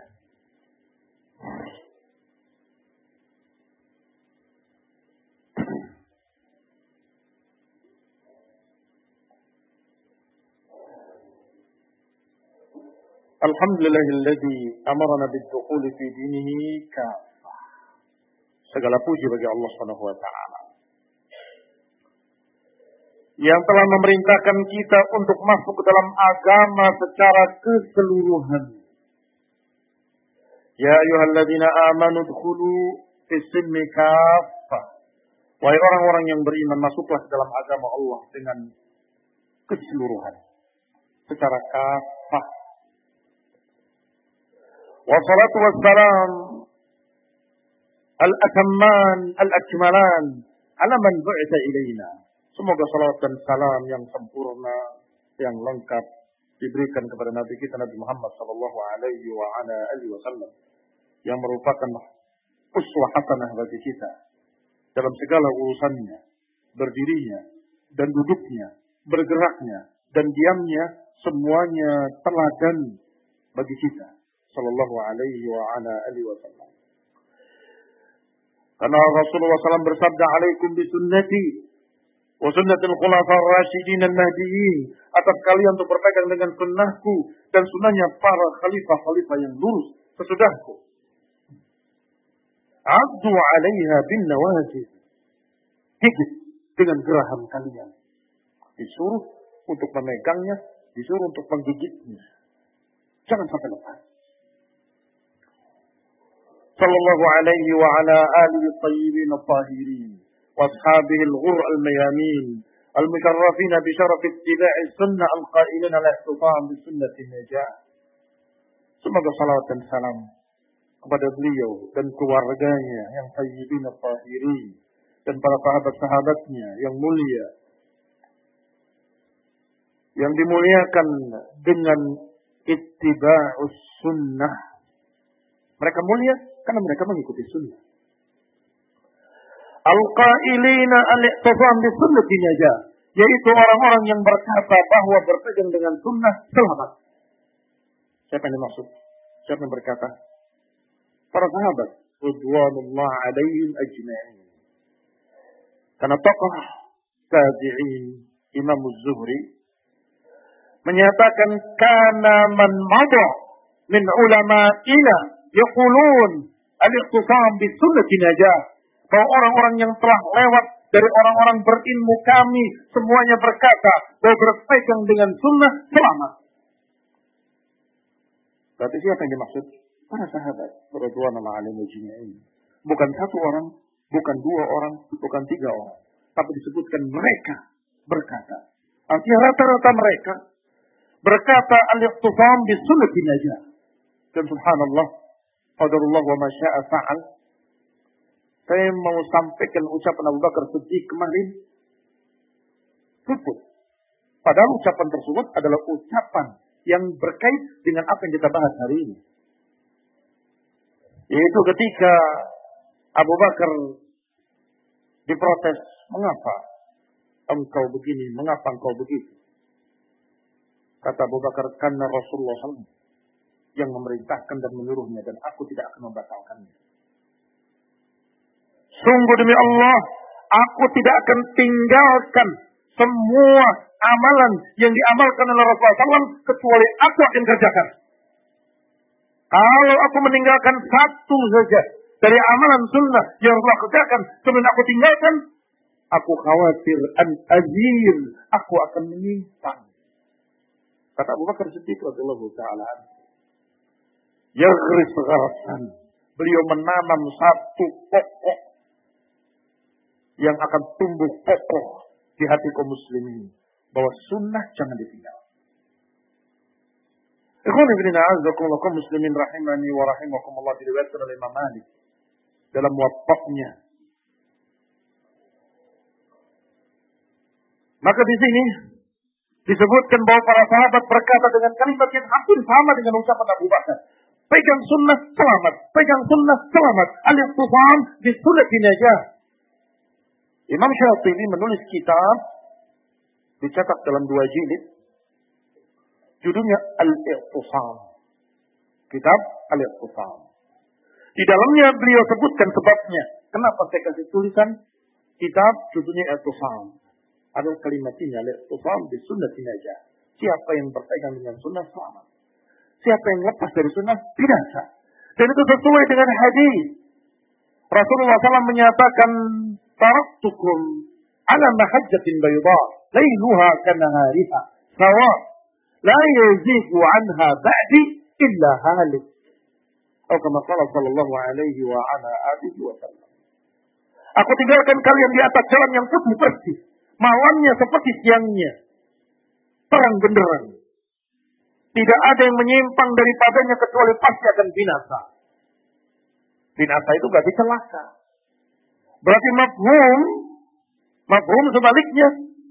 Siapa yang berpegang dengan sunnah tidak binasa. Siapa yang berpegang dengannya selamat. Al-Qusam di sunnah najah.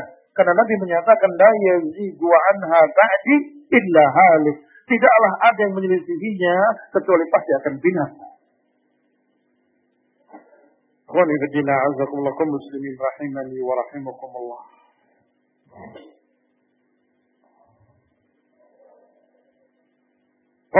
Anhum ajma'in. Fa inna ahaqqa ma'tana bihil muslim.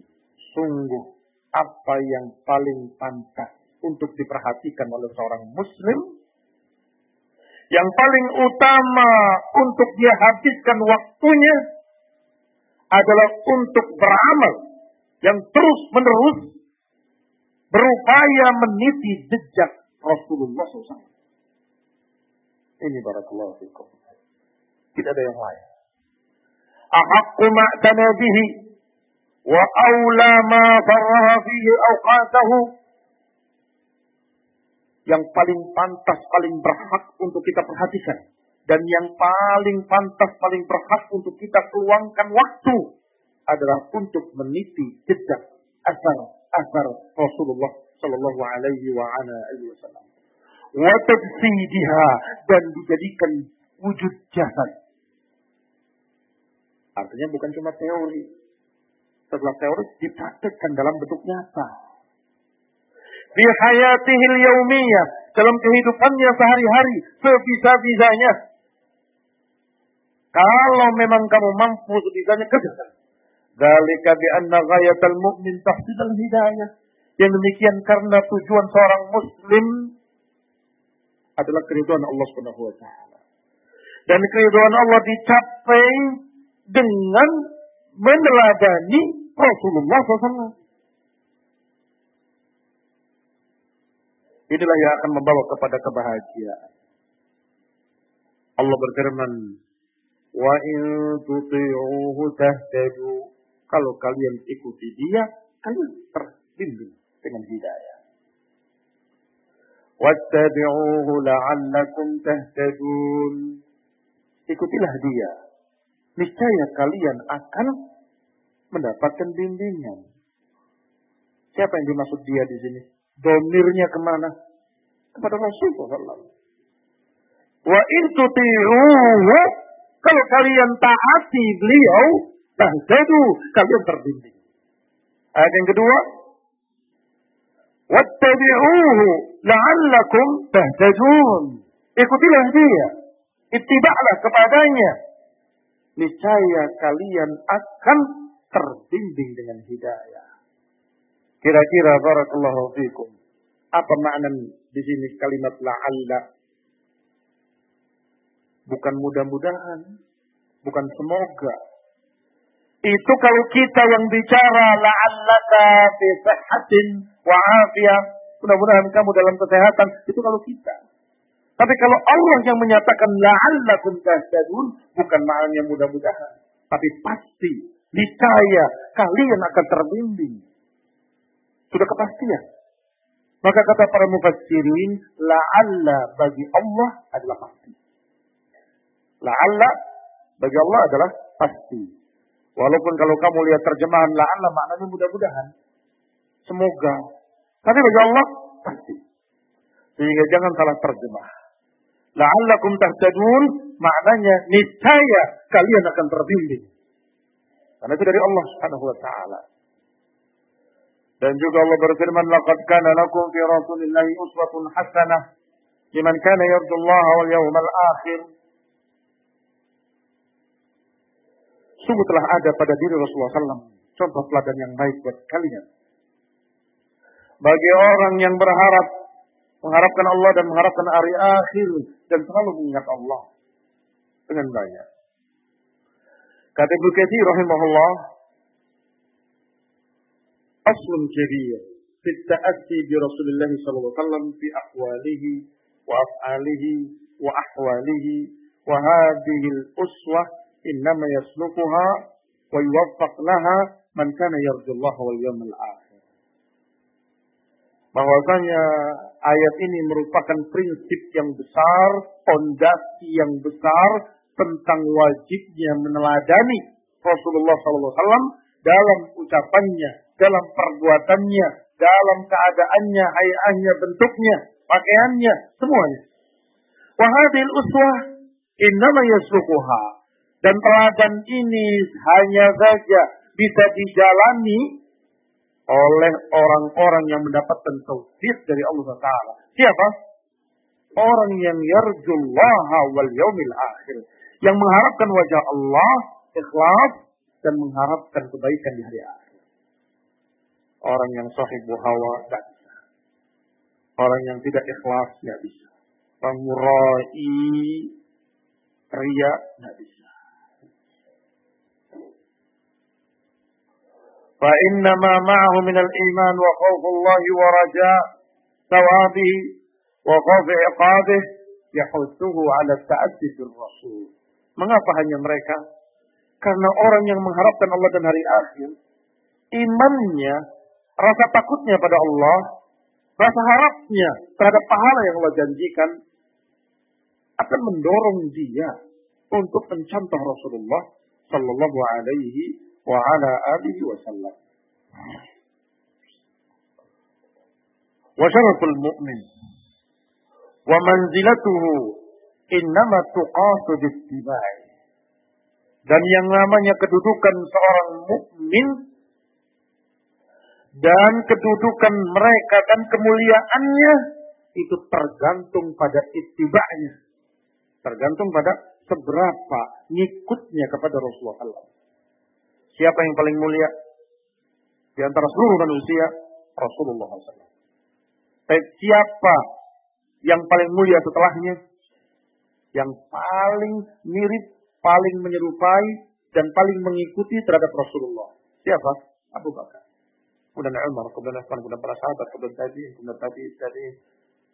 Maka ukuran seseorang muslim mukmin, apakah dia mulia atau tidak mulia, apakah dia kedudukannya tinggi atau rendah, diukur dengan seberapa itibaknya terhadap sunnah. Kalau itibaknya terhadap sunnah, 99 persen itu para sahabat. Maka mulia mereka menjadi khaira ummatin ukhrijat linnas menjadi sebaik-baik umat yang dikeluarkan di tengah-tengah manusia.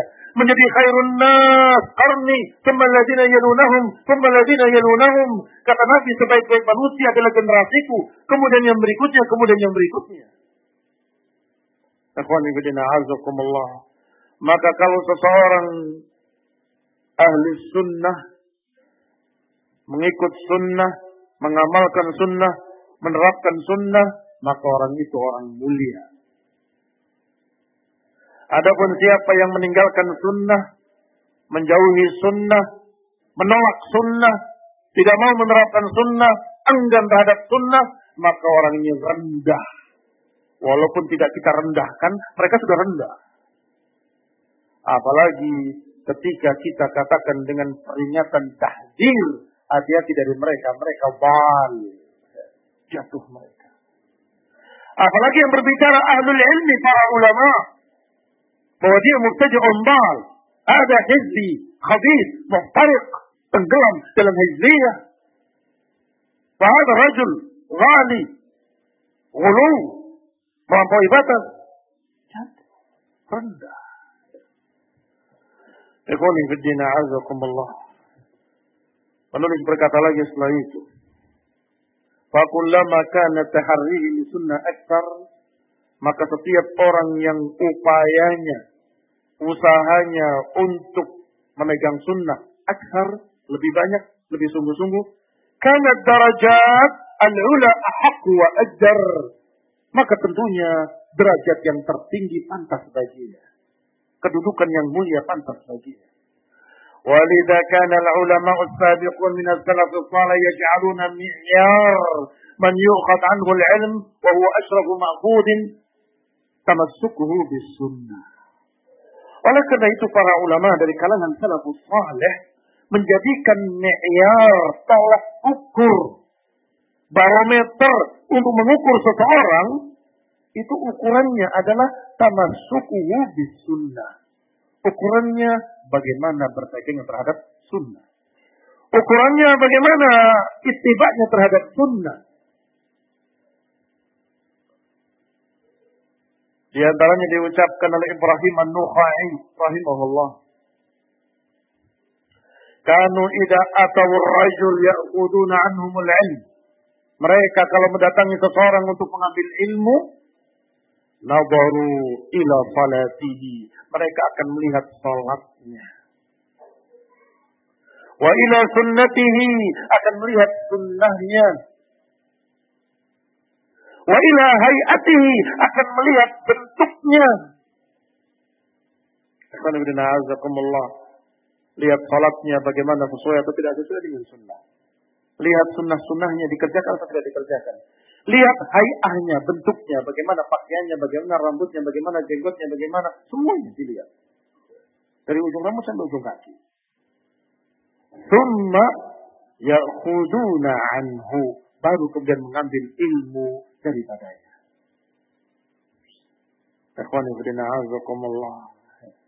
Enggak terpakai. Kalau ada orang yang katanya berilmu, ternyata ketika dilihat di jarinya terselip rokok. Oh, oh ini ustaznya. Hilang simpatinya kepada orang tersebut. Atau ketemu di PS. Itu Ustaz. Iya. Katanya refreshing lagi main game. Kira-kira apa? Kata beliau Ibrahim al-Lukhai rahimahullah. Lihat salatnya, lihat bentuknya, lihat pakaiannya, lihat apakah dia menjaga sunnahnya pada jenggotnya, lihat pakaiannya apakah musbil atau tidak musbil, dilihat seluruhnya. Kemudian dilihat pula bagaimana dia akhlaknya, adabnya, perangainya, tutur katanya.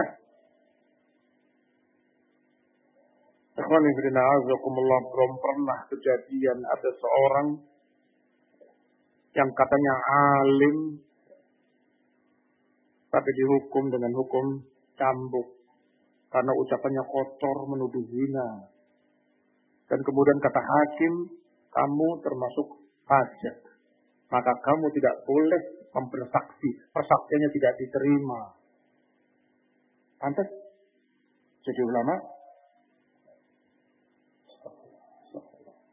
Ditanyakan kepada Syekh Fadal Fauzan. Orang yang mengatakan begini, begini, begini, ucapan-ucapan tadi disebutkan. Main bagi, main bagi. Tidak sepantasnya, tidak sepantasnya. Ya jelas. Bagi kita aja nggak pantas, apalagi bagi orang yang dikatakan alim. Lebih nggak pantas lagi. Ikhwani fiddin a'azakumullah kaum muslimin rahimani wa rahimakumullah.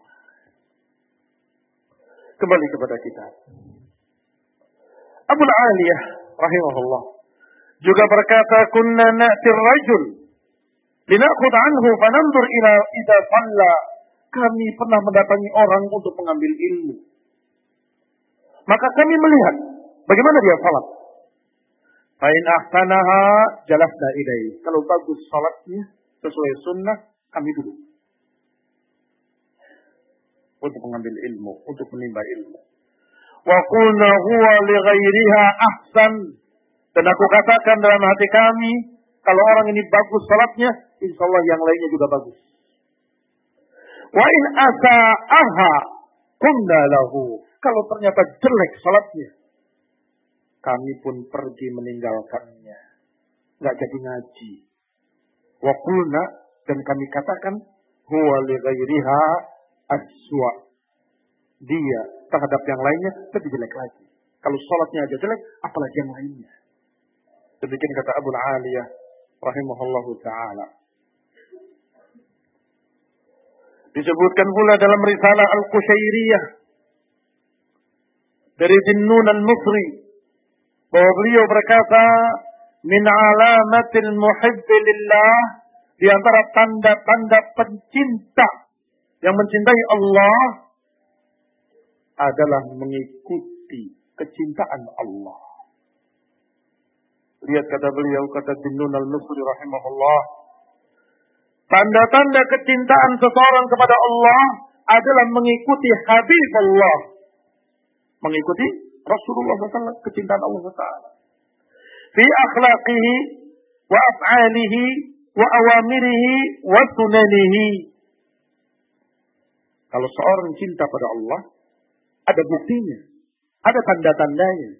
Maka tanda-tanda orang yang mencintai Allah adalah mengikuti orang yang dicintai oleh Allah, yang paling dicintai oleh Allah, yaitu Rasulullah SAW. Pada akhlaknya, pada perangainya, pada perbuatannya, pada perintah-perintahnya, pada sunnah-sunnahnya, semua diikuti. Karena dia cinta pada Allah, maka dia ikuti Rasulullah.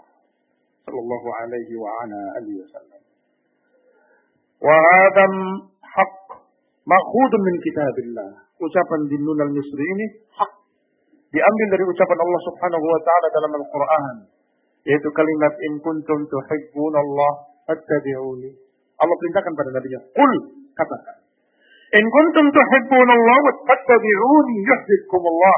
Kalau kalian cinta kepada Allah, maka ikutilah aku, niscaya Allah akan cinta pada kalian. Ayat ini turun kepada Nabi alaihi salam ayat ini turun kepada Rasulullah SAW, maka Allah katakan, Qul adalah kepada Nabi. Qul ya Rasulullah, Qul ya Nabi Allah. Katakan wahai Nabi Allah, kalau kalian cinta kepada Allah, ikutilah aku. Ay, ikutilah Rasul. Ikutilah beliau. Yuhbibkumullah. Niscaya Allah akan cinta pada kalian. Demikian pula Al-Hasan Al-Basri rahimahullah. Beliau berkata, "Fakana alamatu hubbihim iyyahu ittiba'u sunnati rasulih." Dengan ayat ini kata Al-Hasan Al-Basri, maka tanda kecintaan mereka kepada Allah adalah mengikuti sunnah Rasulullah. Dikeluarkan oleh Ibn Hatim di dalam tafsirnya dari Abu Darda radhiyallahu taala anhu. Beliau berkata fattabi'uhu 'alal birri wat taqwa. Ikutilah Rasulullah di atas kebaikan dan ketakwaan. Wat tawadhu' di atas sifat tawadhu' tidak sombong. Wa dillatin nafs dan merendahkan dirinya tidak sombong demikian kata Ibn Abi Hatim rahimahullah. Wa qala al-Harawi atau diriwayatkan oleh al-Harawi dalam Dammul Kalam dari Bishr al-Hafi rahimahullah. Qal alamatu ta'atillahi taslimi amrih. Di antara tanda-tanda ketaatan kepada Allah adalah tunduk pada perintahnya. Dan tanda-tanda kecintaan kepada Rasulullah adalah tunduk pada sunnah-sunnahnya. Wal amal ala sunnatihi dan mengamalkan sunnah-sunnahnya. Wala yultafat ila ghairihi dan tidak menengok kepada yang lainnya. Walaqad kana lil ulama'i ar-rabbaniyin ala marril usul. Dan bahwasanya para ulama rabbaniyin sepanjang masa mereka punya jasa. Yadun zahirah. Fil haddi ala al-amal bis sunnah. Mereka semua punya upaya punya andil untuk menyuruh, mengajak, mendorong kaum muslimin agar berpegang dengan sunnah. Semua para ulama sepanjang masa. Enggak ada satu ulama pun yang benar-benar ulama yang tidak memberi semangat untuk berpegang dengan sunnah. Tidak. Semuanya memerintahkan, menyuruh, menganjurkan untuk berpegang dengan sunnah. Dan mereka menulis buku-buku memberikan bimbingan-bimbingan, ta'liman wa ta'lifa. Ta'lim mengajarkan, ta'lif menuliskan kitab-kitabnya. Bahkan judulnya banyak yang hampir sama, bahkan sama. Ada as-sunnah al-Baghawi, ada as-sunnah Ibn Abi Asim, ada as-sunnah Imam Ahmad, ada as-sunnah Abdullah bin Imam Ahmad. Semuanya as-sunnah. Ada kitab usul sunnah. Imam Ahmad rahimahullah. Ada kitab usul istiqat ahlus sunnah. Oleh Imam Hibatullah al-Likai. Sekian banyak kitab as-sunnah, usul sunnah, prinsip sunnah, prinsip ahlu sunnah. Atau bahkan yang namanya tidak berkait atau tidak ada kalimat sunnahnya, isinya pun sama. Ternyata anjuran untuk berpegang dengan sunnah. Seperti kitab syariah Imam Al-Ajuri atau kitab Al-Iman Ibnu Mandah atau kitab sekian banyak kitab. Hampir semua ulama punya kitab khusus yang isinya perintah, anjuran, dorongan untuk berpegang dengan sunnah. Maka kalau ada seseorang yang katanya alim, ternyata enggan terhadap sunnah, bahkan menggembosi sunnah, fa'lam annahu bal. Ketahuilah kalau dia sesat. Percayalah. Sesat dia. Karena tak mungkin. Mustahil.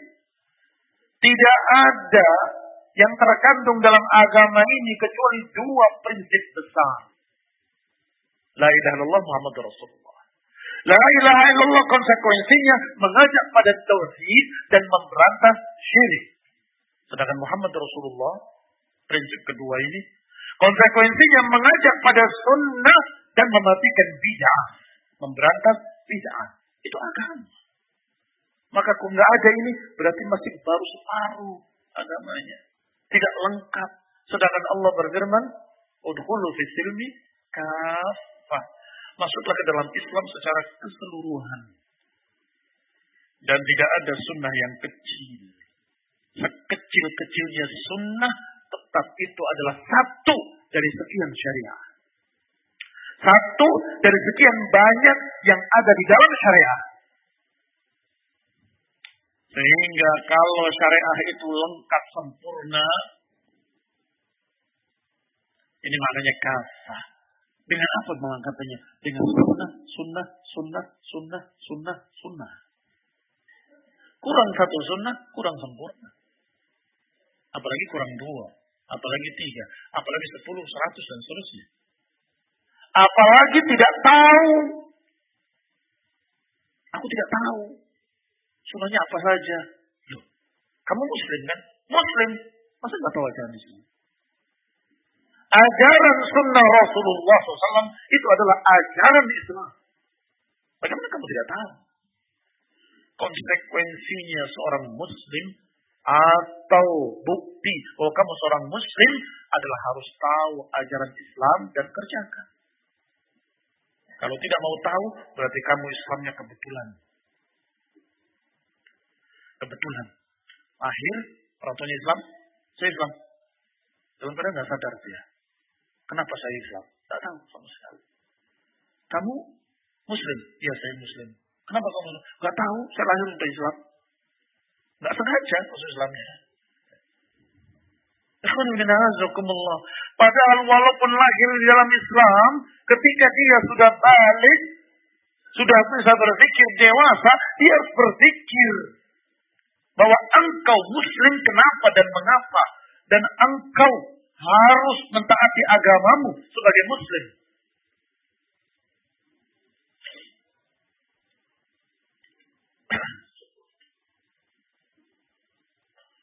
Maka ikhwanifidina azakumullah. Harus mempelajari sunnah demi sunnah sehingga lengkap. Bahwa din akan hilang tidak begitu saja. Yadhabud din sunnatan sunnatan. Kama yadhabul hadnu kuwatan kuwatan. Agama akan hilang sedikit demi sedikit. Seperti hilangnya tali yang besar sekalipun, tali kapal sekalipun, akan hancur. Tidak langsung, sebenang demi sebenang. Bukankah tali itu tersusun dari benang-benang? Maka barakallahu fiik kalau benangnya putus satu. Oh, tidak apa-apa talinya besar. Ya, satu, kalau tetap satu. Habis itu dua. Itu cuma dua, tiga, sepuluh, dua puluh. Apa-apa cuma tiga puluh. Lama-kelamaan apa-apa. Yang tadinya nggak apa-apa, lama-kelamaan jadi apa-apa. Putus tali itu. Sebesar apa pun. Demikian pula agama. Kalau kamu tinggalkan satu sunnah, nggak apa-apa cuma satu sunnah aja kok. Dua sunnah, cuma dua aja kok. Sepuluh sunnah, cuma sepuluh aja kok. Lama kelamaan agama ini berkurang, berkurang, berkurang, berkurang. Dan jangan heran kalau Imam Syafi'i menukilkan ucapan para ulama. Yang sungguh ketika pertama saya baca, saya tertegun. Ini apa enggak terlalu keras? Yaitu ucapan beliau di dalam kitabnya Al-Tusam. Siapa yang tersenyum kepada ahlul bid'ah, maka dia berarti membantu kehancuran Islam. Faqad aana ala hajmil Islam. Siapa yang tersenyum pada ahlul bid'ah, maka dia membantu mendukung hancurnya Islam. Cuma tersenyum gitu aja. Menghancurkan Islam. Mengapa? Karena tadi jawabannya satu kesatuan. Syariat ini di dalamnya terdiri dari sunnah, sunnah, sunnah, sunnah, sunnah. Kalau sunnahnya diganti dengan bid'ah, akan tergeser satu sunnah. Mabtada'a qaumun bid'atan illa zahabat anhu sunnah. Sebagaimana diriwayatkan dari Ibn Abbas. Tidaklah dikerjakan satu sunnah kecuali akan berge uh, tidaklah dikerjakan satu bid'ah kecuali akan bergeser satu sunnah. Maka kalau bergeser sunnah demi sunnah, Islam itu sedang hancur. Sedang berkurang, digrogoti oleh ahli bid'ah. Kamu lihat senyum bagus cangkul lagi, ya, sunnah demi sunnah dikerogoti. Kamu tersenyum lagi, ya Pak. Ngajar Pak, iya, lagi ngajarkan sunnah ini saya. Oh iya iya. Nah. Hati-hati ikhwan ibn Allah jangan main-main dalam masalah ini. Urusannya urusan agama, urusan agama urusan yang paling penting di muka bumi ini. Allah salam ya. Walhidayah warahmah subhanakallahum bihamdik. Asyadu an la ilaha ila anta astaghfiruka wa atubu ilaik. Assalamualaikum warahmatullahi wabarakatuh.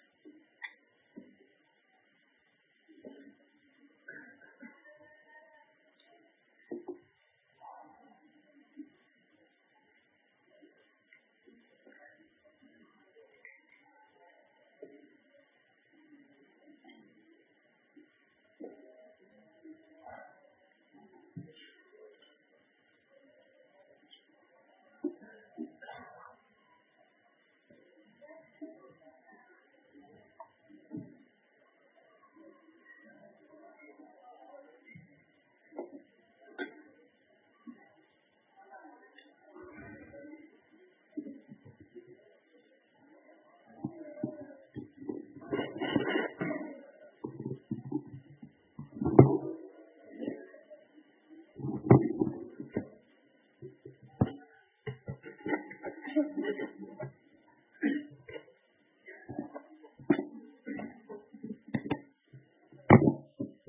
tadi kajian sesi pertama yang disampaikan oleh Ustaz Muhammad As-Sawid. Habibullah Ta'ala. Wa khairan. Semoga bermanfaat bagi kita semuanya. Selanjutnya hadir rahimakumullah jami'an. Kita jeda untuk istirahat, persiapan sholat zuhur dan mungkin kita sekalian makan siang. Maka kepada panitia yang bertugas membagikan makan siang tafadhol bisa dibagikan sebelum sholat zuhur karena insya Allah kajian sesi kedua akan kita lanjutkan seusai pada sholat zuhur atau sekitar jam 12.30. Nah, maka dipersilakan bagi anda sekalian untuk mempersiapkan diri. Tafadhalu barakallahu fikum.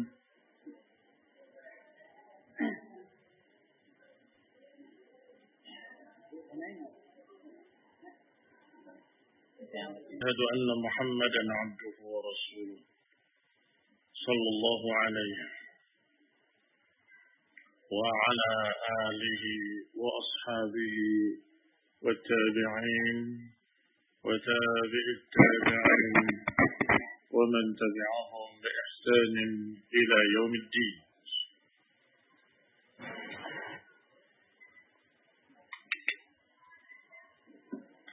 يا أيها الذين آمنوا اتقوا الله. حق تقاته ولا تموتن إلا وأنتم مسلمون. يا أيها الناس اتقوا ربكم الذي خلقكم من نفس واحدة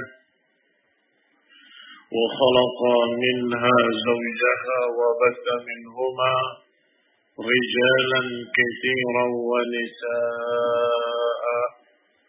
واتقوا الله الذي تساءلون به والأرحام. إن الله كان عليكم رقيبا.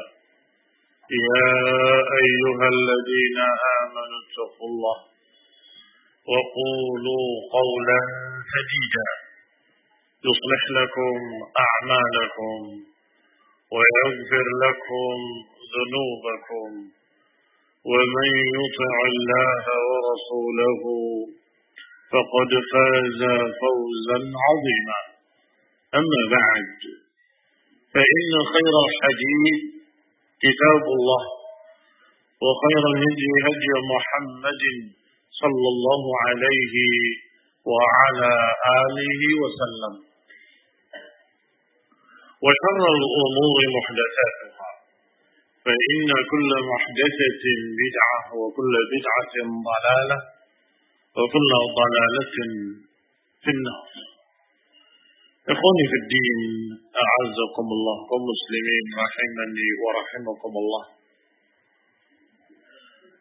Kemarin, atau maaf, sebelum duhur tadi, sudah kita bahas dari kitab Daruratul Itimam di Sunnah.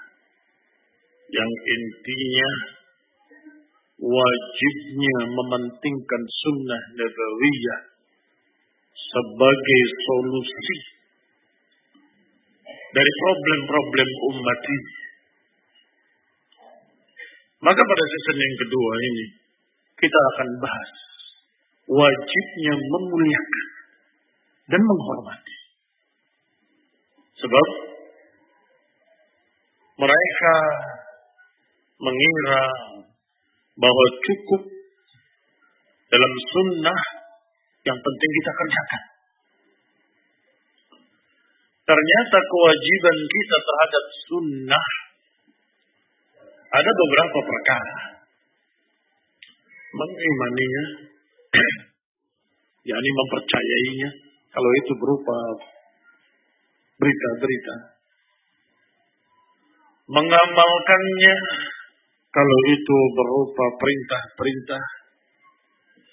Meninggalkannya, kalau itu berupa larangan-larangan, meninggalkan apa yang dilarangnya. Yang keempat, memuliakannya dan menghormatinya. Jangan sedikit pun melecehkan sunnah karena itu agama. Sunnah itu adalah ajaran agama. Imam Al-Barbahari menyatakan dalam kitabnya Syarh Sunnah Al-Islam huwa sunnah. Was-sunnah hiya al-Islam. Islam itu adalah sunnah dan sunnah itu adalah Islam. Mengapa demikian? Sepertinya sunnah sama Islam berbeda. Tidak berbeda. Karena yang namanya sunnah, yaitu ajaran Rasulullah SAW, itu isinya Islam. Kalau ditanya apa itu Islam, Islam itu ajaran sunnah yang diajarkan oleh Rasulullah SAW. Itu Islam. Maka ikhwan ibadin, a'azzakumullah muslimin rahimani wa rahimakumullah. Disebutkan dalam ta'zim sunnah, masih muqaddimah. Amma ba'd, فإن الله أرسل رسوله صلى الله عليه وعلى آله وسلم ليبين لهم ما نزل إليهم Sesungguhnya Allah subhanahu wa ta'ala mengutus Rasulnya alaihi salatu wassalam adalah untuk mengajarkan, untuk menerangkan kepada mereka apa yang diturunkan pada mereka. yakni Al-Quran. Berarti Rasulullah SAW disuruh untuk menjelaskan Al-Quran. Dan itu disebut di dalam ayat Allah Subhanahu wa taala dalam surat An-Nahl ayat 44. Bil bayyinati waz zubur wa anzalna ilayka adh-dhikra lin-nasi ma nuzila ilayhim wa la'allahum yatafakkarun. Kata Allah, bil bayyinati waz zubur dengan penjelasan yang gamblang, dengan kitab-kitab, dan diturunkan zikr ini agar engkau menjelaskannya pada manusia litubayyina linnasi ma nuzzila ilaihim agar engkau menjelaskannya pada manusia Ikhwan fillah azakumullah domirnya kata gantinya kembali kepada Rasulullah SAW. Litubayyin. Tubayyin ay anta tubayyin. Engkau, wahai Rasul, jelaskan pada manusia. Apa yang diturunkan pada mereka. Sehingga Imam Ahmad rahimahullah di dalam kitabnya Usul Sunnah, prinsip-prinsip sunnah, diawali dengan kalimat ini. As-sunnah tufassirul Qur'an. Bahwa sunnah itu menafsirkan Al-Quran. Barang siapa yang berpegang katanya dengan Quran, tetapi menafsirkan tidak dengan tafsir dari Nabi alaihi salatu wassalam, berarti dia tidak berpegang dengan Quran. Allah turunkan Al-Quran berisi dua sisi. Lafzan wa ma'nan. Lafadznya dan maknanya. Dan tidak boleh Al-Quran ditafsirkan dengan makna yang lain, bukan makna yang Allah kehendaki, bukan pula Rasulullah SAW yang menerangkan. Jangan. Itu bukan Quran. Ikhwan ibadina azakumullah kaum muslimin rahimani wa rahimakumullah. Al-Quran diturunkan oleh Allah Subhanahu wa taala dan terdiri dari beberapa jenis-jenis dan sudah saya singgung dalam khutbah Jumat kemarin. Yang pertama, bayinat muhkamat. Jelas, bayin, gamblang, ma yahtaj. Lam yahtaj ila ghairihi. Tidak memerlukan penjelasan apa pun, sudah gamblang. Itu jenis pertama. Jenis kedua, ada mutasyabihat yang perlu penjelasan dari Rasulullah SAW. Ada perkara-perkara yang perlu rincian. Allah sebutkan dengan tegas, dengan gamblang kewajibannya. Wajib sholat, wajib zakat, wajib. Tetapi seperti apa sholatnya? Kapan sholatnya? Berapa kali sehari? Nggak ada di dalam sunnah. Bahkan nanti kata seorang sahabat yang mulia radhiyallahu taala anhu, niscaya akan ada orang yang berkata, "Ma balus salah? Kenapa mereka mengerjakan salat kau lima waktu, padahal Al-Quran berbicara cuma tiga waktu? Aqimus salat. Disuruh mendirikan salat, dulu syams ila ghasaqil lain wa Quran al-fajr. Disuruh salat ketika pagi, ketika sore dan tengah malam. Tiga. Dulu syams ila ghasaqil lain. Lalu setelah itu disebutkan Al-Quran al-Fajr. Tiga. Hati-hati. Akan datang nanti orang-orang yang berkata kewajiban sholat itu cuma tiga. Kenapa kalian bilang lima? Kaum muslimin rahimani wa rahimakumullah. Disebutkan oleh Rasulullah SAW dengan sangat gamblang khamsa salawat kata bahunallah lima salat yang Allah wajibkan. Berarti Al-Quran menjelaskan salat rinciannya Rasulullah SAW yang mengajarkan.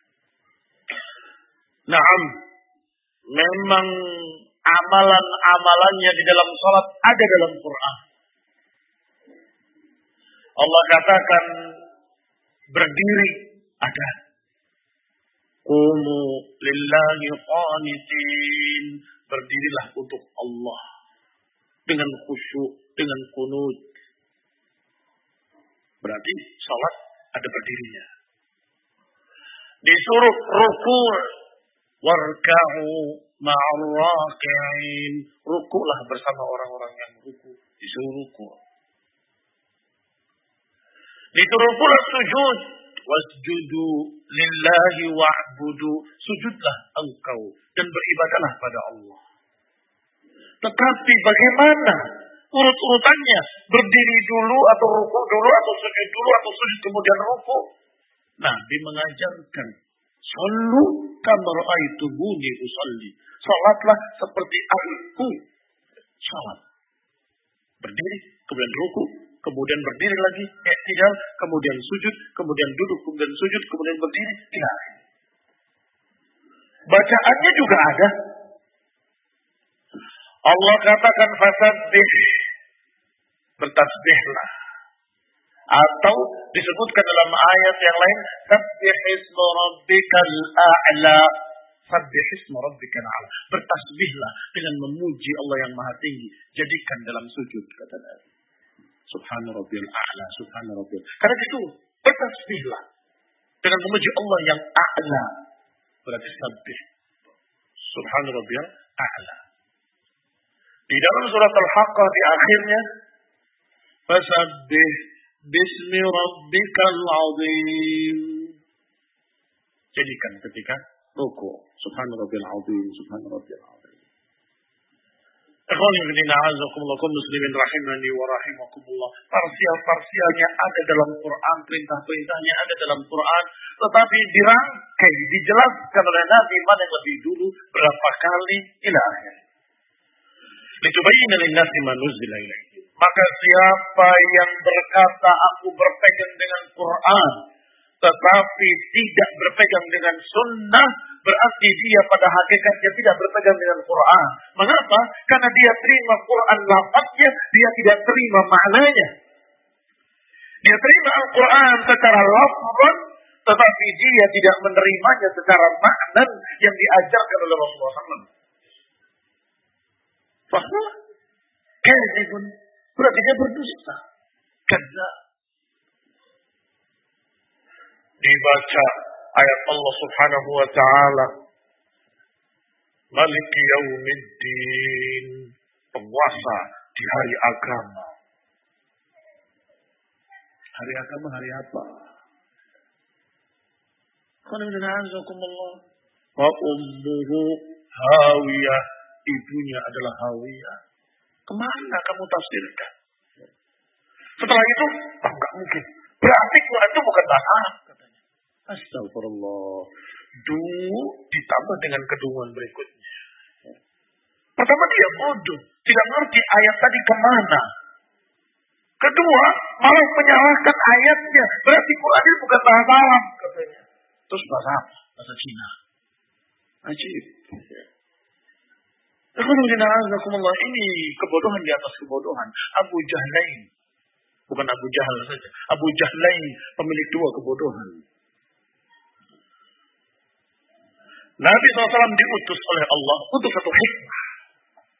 Yang antara hikmahnya adalah ditubayyina linnasi ma nuzila ilaihim wa la'allahum yatafakkarun agar mereka mau berfikir kata Allah. Wa yukhrijuhum min adh-dhulumati ila nur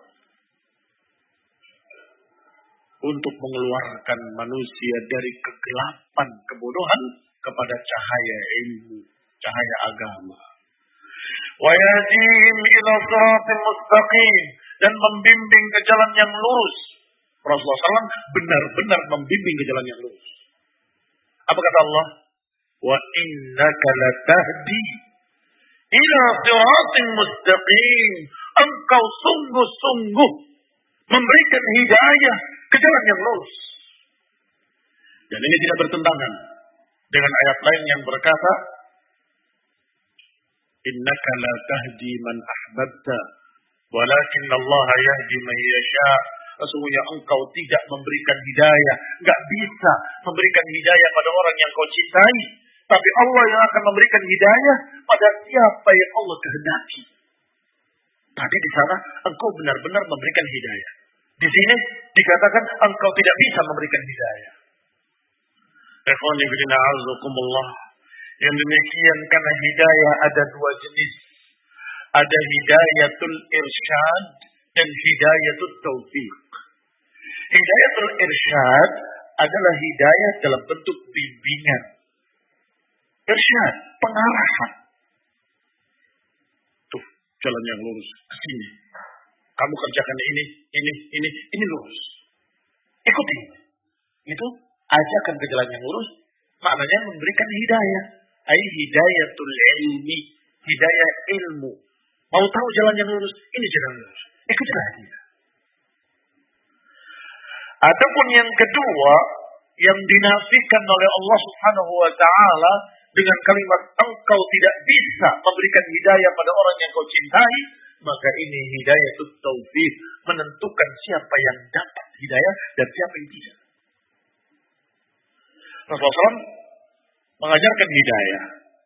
Kita terjemahkan mengajarkan hidayah. Karena hidayah, hidayah, irsyad. Membimbing.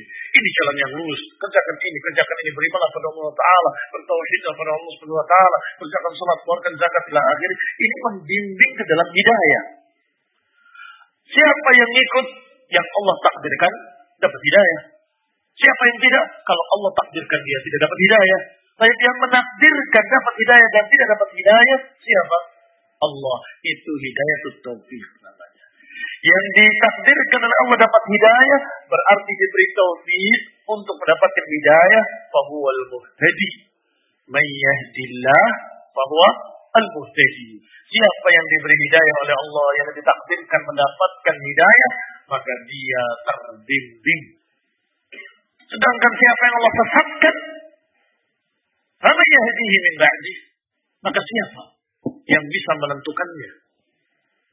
Setelah Allah, tidak ada. Maka ketika Rasulullah sangat-sangat-sangat berharap. Ya ammi, wahai pamanku. Kula ilaha illallah. Kalimatun uhajulaka biha indallah. Kalimat yang aku akan membela nanti yang mau kiamat dengan kalimat itu. Ucapkan. Pamannya tetap tidak mengucapkan. Rasulullah SAW sedih. Sampai matinya. Tidak mengucapkan la ilaha Maka Allah katakan engkau tidak bisa memberikan petunjuk pada orang yang kau cintai yaitu Abu Talib. Karena Allah yang menentukan hidayah kepada siapa pun yang Allah kehendaki. Maka disebutkan yahdihim ila siratal mustaqim. Wa awjaba alaihim ta'atahu wa mahabbatahu wa ta'zirahu wa tawqirahu. Dan Nabi ketika diutus mewajibkan untuk mentaatinya. Dan Allah setelah mengutus Rasulnya mewajibkan umatnya untuk mentaati nabinya. Wa mahabbah dan wajib mencintainya. Wajib takzir. Wajib memuliakannya, menghormatinya. Wa tauqir menghormatinya. Ikhwan ibn a'azakumullah. Kaum muslimin rahimani wa rahimakumullah. Berarti setiap muslim wajib mentaati Rasulullah, wajib memuliakan Rasulullah, wajib menghormati Rasulullah, wajib meneladani beliau alaihi salatu wassalam. Dalilnya sangat banyak. Ada sekian puluh ayat. Di antaranya ucapan Allah ya ayyuhalladzina amanu Allah wa ati'ur rasul wa ulil amri minkum. Taatilah Allah dan taatilah Rasul. Demikian pula Rasulullah SAW sendiri berkata, La yu'minu ahadukum hatta akuna ahabba ilaihi min walidihi wa waladihi wa nasi ajma'in. Tidak beriman salah seorang kalian hingga aku menjadi yang paling dicintainya. Lebih dari bapaknya, lebih dari anaknya, lebih dari seluruh manusia. Berarti wajib mencintai Rasulullah lebih daripada mencintai bapak kita sendiri. Wajib mencintai Rasulullah lebih daripada mencintai anak kita sendiri. Lebih mencintai Rasulullah daripada istri kita sendiri. Daripada siapa pun. Akhwani fiddin, a'azakumullah, kaum muslimin rahimani wa rahimakumullah. Maka para sahabat berpegang dengan prinsip ini. وقد أخذ بهذا الصحابة وساروا عليه. Para sahabat mengambil prinsip ini dan berjalan di jalan ini. Fakanu li Rasulillahi muhibbin ta'i'in. Maka mereka menjadi orang-orang yang cinta kepada Rasulullah dan taat kepada Rasulullah SAW. Wa kanat sunnatuhu wa qawluhu wa hadjuhu muqaddamatan indahum. Maka jadilah sunnah Rasulullah, ucapan Rasulullah, bimbingan Rasulullah menjadi yang paling di depan, paling diutamakan oleh para sahabat. Ala kulli di atas segala sesuatu. Yang paling penting adalah haji Rasulullah. Bimbingan Rasulullah. Mencintai Rasulullah itu paling tingginya. Sampai-sampai beberapa sahabiat seorang ibu jangan tanya bagaimana cinta pada anaknya. Tapi ketika peperangan terjadi dan mereka pulang dari peperangan, yang pertama ditanyakan bukan anaknya. Bagaimana maksudnya? Anakmu demikian. Aku tanya Rasulullah. Bagaimana? Rasulullah, Alhamdulillah. Tapi anakmu, kenapa anakmu? Anakmu terbunuh. Alhamdulillah yang menjadikan anakku syahid. Yang pertama ditanya Rasulullah dan ketika dijawab anaknya marah, aku tanya Rasulullah bukan tanya anakku. Ini para sahabat, para sahabiah, generasi pertama umat ini. Fakalamun Nabi sallallahu alaihi wa ala alihi wasallam huwal awal. Maka ucapan Nabi adalah yang pertama dan utama. Yuqaddam alaihi ala kalamnya ahad al bashar. La yuqaddam alaihi kalam ahadin. Tidak diangkat ucapan siapa pun dari manusia. Kainan manka. Siapa pun dia di atas ucapan Rasulullah. Tidak berani mengangkat ucapan siapa pun. كانوا عن sunnati munafihin. Mereka terhadap sunnah membela. Walaha hamid terhadap sunnah menjaga. Wa idha ra'au ahadan yu'ariduha أو يستهزئ بشيء منها قصدا أو بغير قصد وبخوه وقرعوه وزجروه maka mereka para sahabat jika melihat seseorang menentang sunnah atau memperolok-olok sunnah sengaja atau tidak sengaja mereka akan marah menjelekkan orang itu menegurnya dengan keras menghardiknya zajaru wahajaru bahkan memboikotnya. Wala yusakinunahu bahkan mereka tidak mau tinggal bersamanya. Wa qad yadribunahu aw yaqtulunahu riddatan aw ta'ziran bahkan mereka bisa memukulnya atau bahkan membunuhnya. Riddatan karena murtad. Au ta'ziran atau karena hukuman dari perbuatannya menentang sunnah. Ikhwani fi din a'azakumullah muslimin rahimani wa rahimakumullah. Ini mukaddimah globalnya. Nanti rinciannya akan disebutkan dalam kitab tersebut. Di antara mereka ada yang marah mengatakan wajib wajib haram. Ada yang berkata, aku lupa Rasulullah. Wa taquluna qala Abu Bakar wa Umar. Seperti diriwayatkan dari Abdullah bin Abbas radhiyallahu taala anhu. Aku katakan kata Rasulullah, kemudian kamu bantah dengan qala Abu Bakar qala Umar. Marah karena mereka mengangkat ucapan manusia di atas ucapan Nabi. Padahal masalahnya fikih. Bagaimana kalau masalahnya akidah? Bagaimana kalau masalahnya masalah usul, prinsip-prinsip agama? Ini masalah haji kata Abdullah bin Abbas radhiyallahu taala anhu bahwa aku mendengar Rasulullah SAW mengatakan jadikan tawaf kalian umrah maka berarti kalian hendaklah haji haji tamattu. Jangan haji kiran jangan haji jangan haji ifrad. Tapi tamattu umrah dulu kemudian baru ihram untuk haji. Di tanggal 8 hari tarwiyah ada yang menjawab, tapi Abu Bakar, tapi Umar. Marah Marah sambil berkata, aku qala Rasulullah, wa taquluna qala Abu Bakar wa Umar. Akhsha an tanazzala alaikum hijarah min sama Aku khawatir akan turun batu-batu dari langit. Aku berkata, qala Rasulullah, kalian bantah dengan qala Abu Bakar qala Umar. Faman syaa minkum an yubahil ubahil. Siapa di antara kalian mau mubahalah, aku mau mubahalah. Nantang mubahalah. Karena masalah sunnah, masalah penting. Barakallahu fikum. Kalau sudah Allah Rasulullah, harus kita hormati. Ini ucapan Rasulullah. Jangan dibandingkan dengan ucapan Abu Bakar, ucapan Umar, ucapan bulan wa'ala. Demikian pula ada yang berkata, Wallahi la yudhilluni wa iyaka saqfun abada. Sungguh demi Allah, nggak akan menaungi aku dan kamu satu atap selama-lamanya. Illal masjid, kecuali masjid. Kenapa mereka begitu kerasnya? Karena mereka begitu cintanya kepada sunnah. Lihat. Karena mereka begitu menghormatinya. Datang dua orang berbicara, bertikai. Mari kita berhukum kepada Rasulullah SAW. Kata yang satu, jangan. Karena dia mendukung riba. Dia tahu kalau kepada Rasulullah SAW pasti haram. Jangan kepada dia.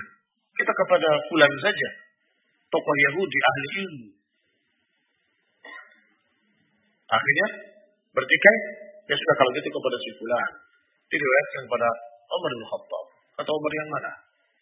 Angkat pedangnya. Yang mana? Yang menyatakan jangan pada Rasulullah SAW. Mau ditebas dengan pedangnya. Barakallahu fiikum. Hanya karena menyatakan aku tidak cocok dengan keputusan Rasulullah SAW. Ya kalau tidak cocok dengan keputusan Rasulullah, berarti bukan mukmin. Karena Allah berfirman, Wallah, Allah mengatakan, Fala wa tidak demi Rabbmu.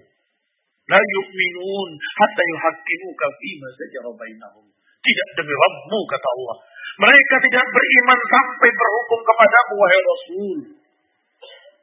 ثم لا يجدوا في أنفسهم حرجا مما قضيت ويسلموا تسليما. Kemudian tidak ada rasa berat untuk menerima keputusan tersebut dan tunduk. Itu mukmin. Kalau nggak tunduk, nggak mau terima, nggak menghormati, bahkan menentang, melecehkan, membantah. Aina iman? Mana imanmu? Kembali kepada tulisan beliau. Jazallahu khairan. Qala wa bidzalika hamus sunnah. Dengan itu terjaga sunnah. Dengan sikap-sikap mereka. Mencintai sunnah, menghormati sunnah, memuliakan sunnah. Akhirnya sudah terjaga an kaidil kaidina wa udwan al mu'tadin. Terjaga dari tipu daya orang-orang yang membuat tipu daya dan terjaga dari mereka yang membuat makar-makar dan musuh-musuh yang membuat permusuhan. Walhamdulillah. Wajah thumma ja'a ba'dahum tabi'un. Kemudian datang di belakangnya para tabi'in. Menjalani jalan mereka, jalan para sahabat. Wahadau hadwahum meniti jejak mereka di langkah mereka. Sama. Diikuti di belakangnya sama Hatta idza ba'da zaman. Sampai ketika zaman sudah mulai jauh. Wa tala min nasil ahad. Ketika zaman sudah mulai menjauh. Wa iman. Iman sudah mulai lemah. Wa khabat wan nifaq. Sudah semakin banyak kejelekan-kejelekan. Semakin banyak kemunafikan-kemunafikan. Qallal wara' Wara sudah semakin kecil, semakin sedikit. Apa wara? Kehati-hatian. Sudah hampir nggak ada. Wara, rasa malu, rasa takut untuk menyelesaikan sunnah sudah hampir hilang. Maka tajarra'a kathir minan nasi 'ala al-qawli wal kalam. Mulailah lancang manusia, mulai berani manusia untuk berbicara dengan seenaknya sendiri, berbicara dengan hawa nafsunya sendiri. Faqala kullun bihawa. Masing-masing berbicara dengan hawa nafsunya. Wa takallama bima la Allah. Berbicara dengan sesuatu yang tidak diridhoi oleh Allah Subhanahu wa taala dan tidak diridhoi oleh Rasulnya alaihi salatu wassalam. Wa bihadza zaman khususnya di zaman kita ini zaman al-fitan zaman fitnah fitnah yuwaqqif ba'daha ba'dha fitnah demi fitnah kal hasiri udan udan. Seperti anyaman tikar karena banyaknya dan rapat yang satu dengan yang lainnya saling merusak. Maka sekarang ini kita lihat. Ra'ayna al-ajaib wal kita lihat keanehan dan keajaiban. Ra'ayna umuran la yasa ahadun sukut anha. Kita melihat perkara-perkara yang kita nggak bisa diam. Bagaimanapun, nggak bisa diam. Apa di antaranya? Semindani kesuhriya. Di antaranya memperolok-olok sunnah. Mentertawakan sunnah. Mengejek sunnah. Entah diapakan dia oleh Amirul Mukminin Umar bin Khattab. Habib bin Islim hanya karena bertanya-tanya tentang ayat mutasyabihat. Lebih tepatnya bukan bertanya, mempertanyakan apa ini maksudnya, apa ini maksudnya, apa ini maksudnya. Dipanggil oleh Umar dan dipukul dengan bonggol calon bunga korma. Calon bunga korma pernah lihat seperti pukulan kaki atau lebih besar. Dipukul kepalanya sampai berdarah. Luka penjara sampai sembuh. Sembuh dipukul lagi. Berdarah lagi. Penjara lagi. Sampai sembuh, pukul lagi. Sampai orang itu berkata, Ya Amirul Mukminin, kalau engkau ingin membunuhku, bunuh aku dengan baik. Kalau engkau menginginkan agar hilang setan di kepalaku, demi Allah, qad dhahaba syaitan min. Sudah hilang syaitan dari kepalaku. Baik. Kalau begitu. Pulang. Diumumkan oleh gubernurnya dari azmat Amir Mukminin.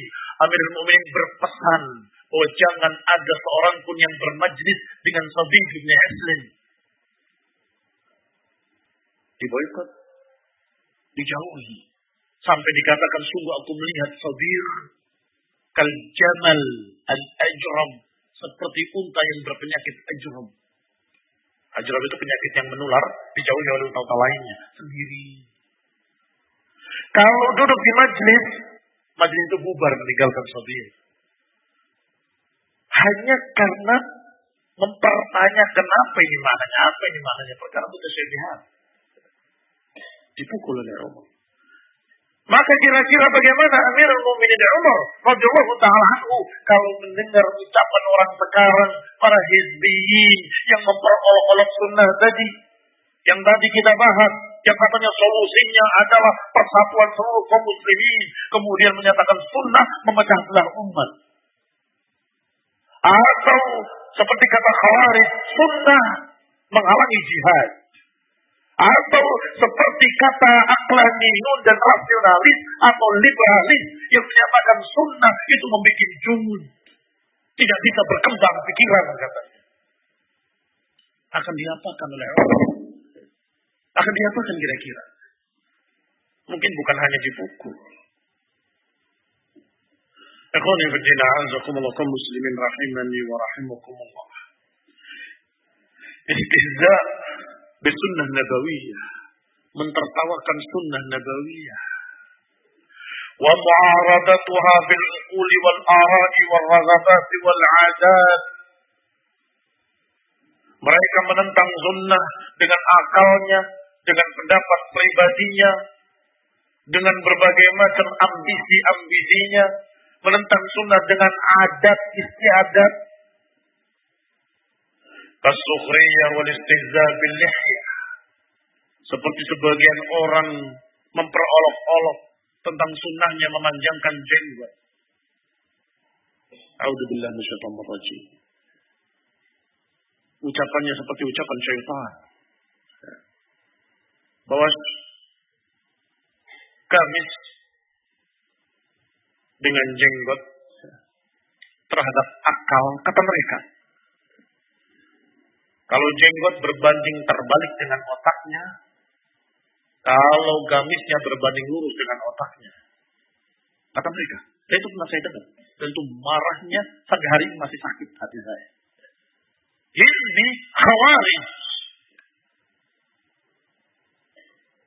Apa maknanya berbanding lurus, berbanding terbalik? Kalau dengan jenggot berbanding terbalik, semakin panjang jenggotnya semakin goblok, semakin bodoh. Kalau dengan gamisnya berbanding lurus, semakin pendek, maka semakin pendek otaknya, semakin panjang, semakin panjang otaknya. Ini azakumullah kufur. Dan para ulama menyebutkan di antara penyebab-penyebab kekafiran adalah istihza biddi. Nggak main-main. Kiduna zid. Wahazluhuna jid. Seriusnya serius, tidak seriusnya pun serius karena masalah agama. Nggak boleh dibikin main-main. Nggak boleh diperolok-olok. Apalagi serius dengan akidah bahwa siapa yang berjenggot berarti goblok, maka sungguh dia kafir keluar dari Islam. Kenapa berarti dia menyatakan Rasulullah goblok dan para sahabat goblok dan seluruh para ulama? Kafir. Bukan main-main. Ikhwan fillah ini di zaman kita. Di zaman waktu itu nggak ada yang begitu. Di zaman kita ini terjadi. Atau memperolok-olok pakaiannya. Faukal ka'bain. Padahal Nabi yang menyuruh. Ma'asfal nal ka'baini fafinnar. Apa yang di bawah kaki dalam neraka. Bagi laki-laki. Ada seorang yang berjalan dalam keadaan pakaiannya panjang. Nabi menyatakan irfa, irfa, irfa. Angkat, angkat, angkat. Sampai ketika setengah betis, Nabi menyatakan izarul muslim, oh, izarul mukmin. Ila nafsu Pakaian seorang mukmin setengah betis. Kalau di bawahnya tidak mengapa, di bawahnya tidak mengapa, dan apa yang di bawah mata kaki benar.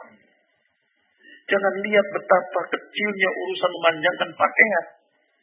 Tapi lihat betapa kurang ajarnya kamu menentang Rasulullah dan menentang Allah Subhanahu wa taala. Ketika menyatakan kalau aku nggak apa-apa, aku nggak sombong. Ikhwan fillah muslimin rahimani wa rahimakumullah.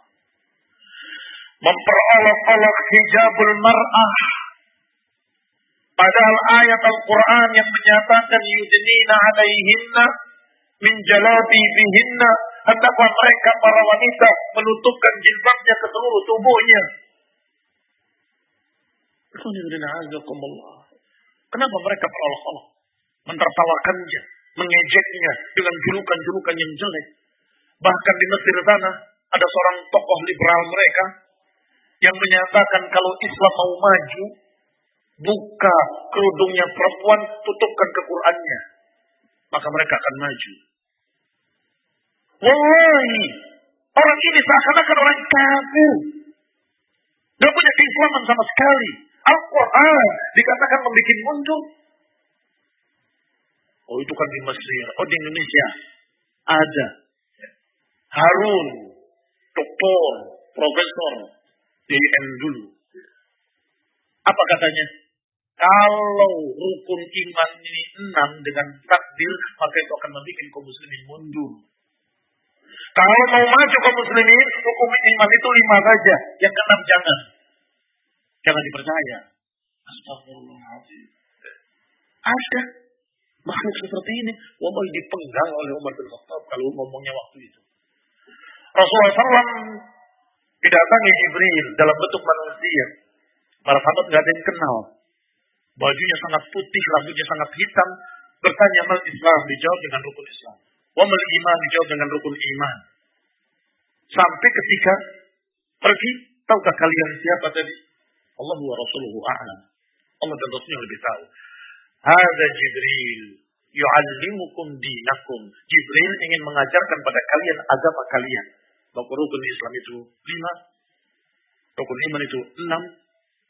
Kemudian ada yang berkata, tapi menurut saya lima saja. Kalau yang keenam itu akan membuat kaum muslimin mundur. Kira-kira apa yang terjadi? Kira-kira apa yang terjadi? Wallahi akan marah seluruh para sahabat tadi.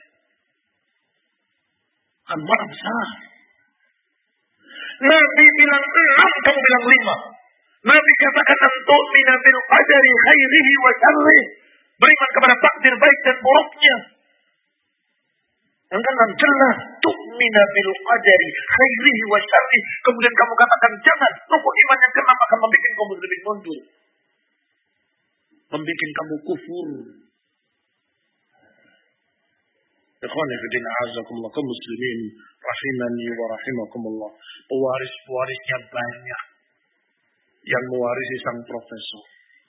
Dan siapa yang berani kufur, berani menentang Quran dan Sunnah, berani menentang prinsip-prinsip agama, maka dia akan dikasih gelar profesor oleh kampusnya. Selamat ya. Memperolok-olok siwak, memperolok-olok salat dengan sutrah yang dulu nggak pernah terjadi. Fatasma man yasifu tilkal a'mal bi awsafin radiyah. Maka engkau mendengar sekarang ini di zaman fitnah ini. Orang yang menggambarkan sunnah dan amalan-amalan sunnah dengan gambaran-gambaran yang jelek. Sekarang. Mengapa kok sekarang? Iman sudah turun. Bahkan sudah hampir hilang. Hampir habis. Hampir-hampir sebagian mereka tinggal tersisa namanya. Nama Islam.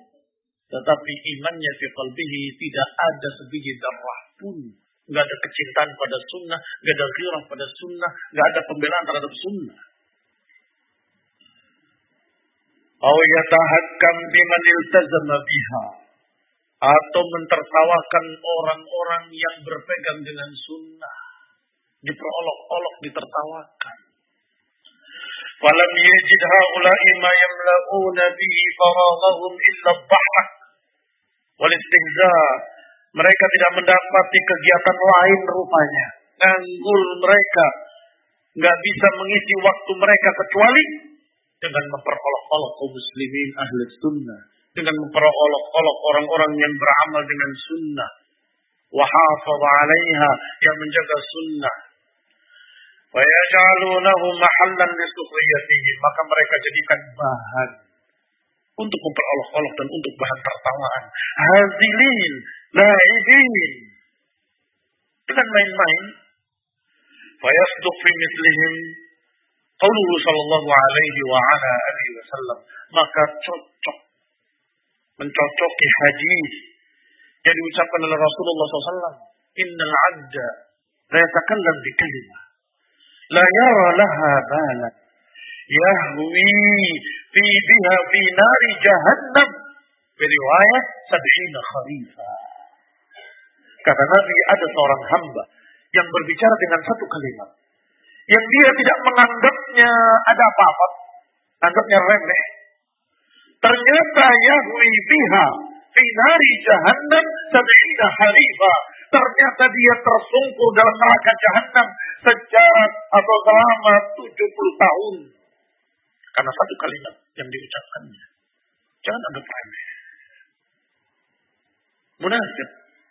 Di masa Rasulullah SAW ada yang berkata, Undur. Lihatlah pembaca-pembaca Quran kita. Atau dalam riwayat. Lihatlah tamu-tamu kita. Maksudnya Rasulullah dan Muhajirin. Arghabu butunan liqa.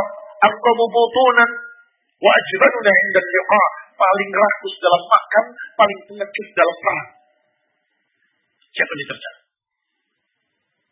Rasulullah SAW dan para sahabat.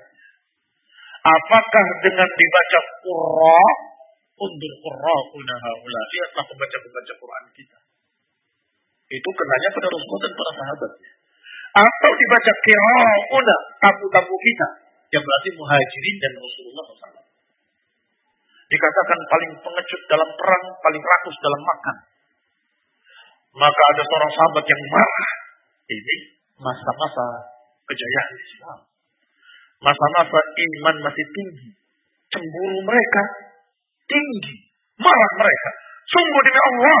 La, tidak demikian. Walakin akan munafik. Tapi engkau munafik. Aku akan laporkan pada Rasulullah SAW. Laporkan ya Rasulullah. Ada orang yang berkata begini dan begitu. Si munafik tadi lari mengejar Rasulullah SAW. Bapak di atas untanya. Memegang ekornya sampai sampai kakinya tersandung-sandung batu sambil merengek ya Rasulullah aku cuma main-main aku tidak serius aku main-main aku tidak serius ya Rasulullah aku tadi berolok-olok saja apa jawab Rasulullah Rasulullah tidak menjawab sampai turun ayat dibiarkan dia merengek-rengek terus sampai turun ayat dibacakan kepada dia apa ayatnya Abillahi wa rasulihi wa ayatihi kuntum tastahzi'un? La ta'tadiru. Qad kafartum ba'da imanikum. Apakah dengan Allah dan Rasulnya dan ayat-ayatnya kalian mempermainkan, memperolok-olok atau membuat bahan tertawa? Jangan cari-cari alasan.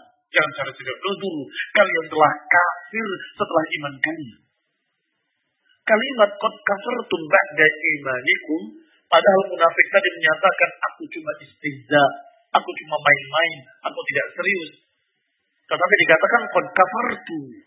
Maka para ulama menyimpulkan dari ayat ini bahwa untuk urusan agama, untuk berbicara tentang Allah, berbicara tentang Rasulnya, berbicara tentang sunnah dan ayat-ayat Allah, maka tidak boleh main-main.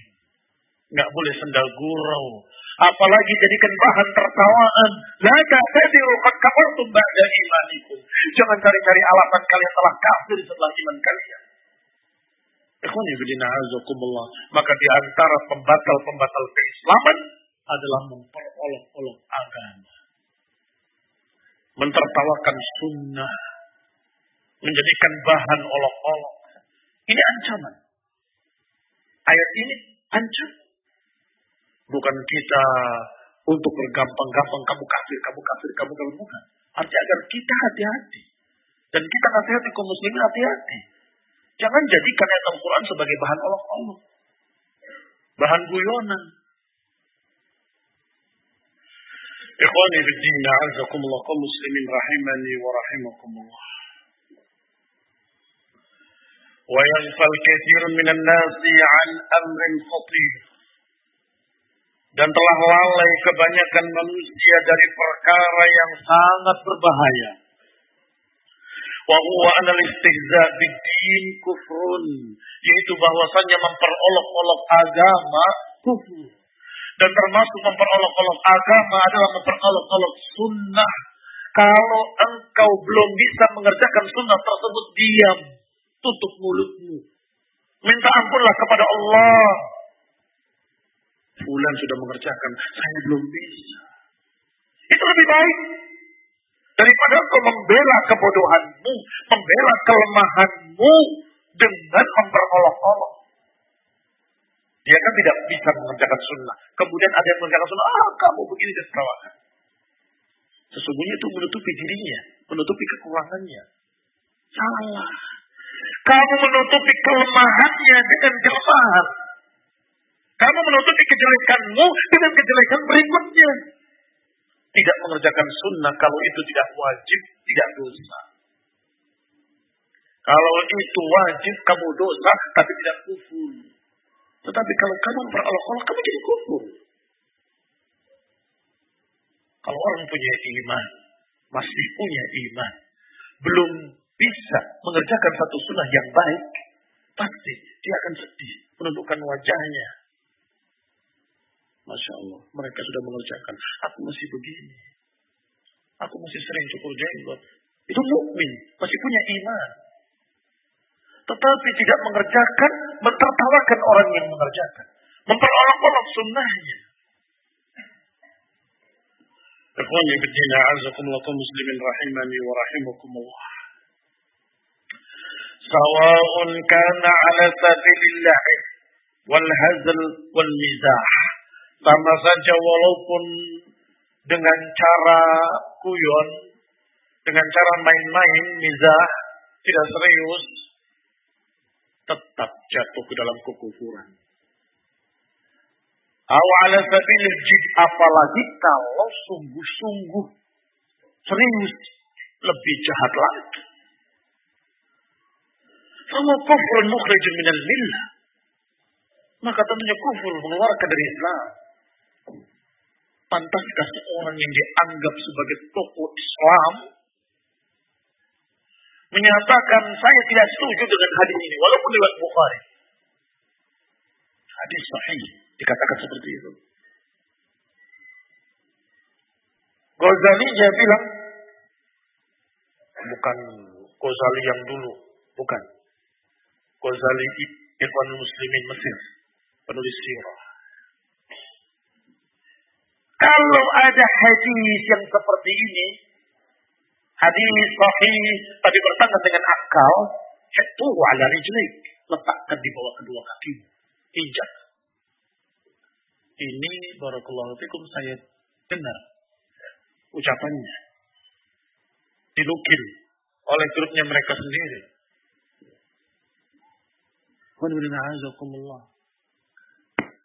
muslimin rahimani wa rahimakumullah. Itu Ghazalinya. Qardawinya bilang apa? Pokoknya saya lebih percaya dengan dokter-dokter kafir daripada hadis Bukhari ini. Terus dalam bukunya. Maksudnya hadis apa? Hadis samalat yang menyatakan satu sayapnya adalah penyakit, satu sayapnya adalah obatnya, sehingga kalau masuk ke minumanmu, tenggelamkan dulu dua-dua sayapnya, baru kemudian dibuang. Kata dia, telah diperiksa oleh ilmuwan-ilmuwan yang ahli dengan percobaan ilmiah, ternyata dua-duanya penyakit. Aku lebih percaya pada dokter-dokter kasih daripada hadis ini. Jangan berpura-pura. Kamu menyatakan daripada hadis ini, ini hadis sahih yang artinya benar-benar ucapan Rasulullah. Berarti ucapanmu seakan-akan aku lebih percaya pada orang-orang kafir daripada ucapanmu wahai Rasul. Gimana kira-kira? Kafir atau tidak kafir? Ikhwani bidina azakumullah. Kau muslimin rahimani wa rahimakumullah. Yang menyelamatkan orang-orang seperti ini hanya takwil-takwil batilnya. Artinya tidak bisa dikafirkan secara tegas bahwa dia kafir, murtad, keluar dari Islam. Tidak bisa. Karena dia mengatakan maksud saya, maksud saya, maksud saya. Sulit. Karena sangat ahli bermain lidah. Maksud saya bukan begitu, maksud saya, maksud saya. Akhirnya. Yang lebih menyedihkan bukan mereka nya. Mereka sudah terkenal aklani, rasionalis, liberalis, mafhum. Tetapi yang ahlus sunnahnya mengibarkan bendera salafiyah, mengumumkan kami salafi kembali pada salaf, kembali pada salaf. Kami ahlus sunnah, kami salafiyun. Tetapi menyatakan bahwa Qurtawi mujaddid, Ghazali alim, afna hayatahu bidakwah, menghabiskan umurnya dalam dakwah. Siapa siapa itu? Abdurrahman Abdul Khalid. Yang katanya tokoh ahli sunnah. Kenapa memuji-muji orang yang mencerca sunnah? Kenapa memuji-muji orang yang jelas-jelas tertulis dan terekam memperolok-olok dan mentebalkan hadis menyatakan aku lebih percaya pada dokter kafir muslimin rahimani wa rahimakumullah. Berkata Ibnu Qudamah, "Man Allah Ta'ala kufur." Siapa yang mencerca Allah kufur. Sawaun kana mazihan aw jazan, sama saja apakah dia tegas, serius ataupun tidak serius. Kufur Kata Ibnu Qudamah. وكذلك من استهزأ بالله تعالى أو بآياته demikian pula siapa yang memperolok-olok dan mentertawakan Allah atau ayat-ayatnya atau rasul-rasulnya atau kitab-kitabnya selesai ucapan Ibnu Qudamah memperolok-olok hati-hati saya pernah mendengar ada seorang yang membantah Nasrani tetapi tidak ilmiah. Sampai terkesan memperolok-olok Nabi Isa alaihi salam. Dan memperolok, memperolok-olok Tuhan. Dengan kalimat Tuhan kalian telanjang ila akhir. Padahal Tuhan mereka, kata mereka tiga. Tuhan Allah yang berarti Allah Subhanahu wa taala kemudian Tuhan anak, Tuhan itu. Ada apa membantah dengan cara seperti itu? Bantahlah dengan ilmiah, dengan bukti-bukti bahwa beliau adalah seorang rasul, bukan ilah, bukan jelmaan Tuhan. Nabi Isa adalah seorang nabi yang mulia. Buktikan. Maryam adalah wanita yang salihah, mukminah, taqiyah, bertakwa, yang masya Allah terjaga dari kejelekan, bahkan tidak pernah disentuh oleh laki-laki mana pun, yang artinya perawan.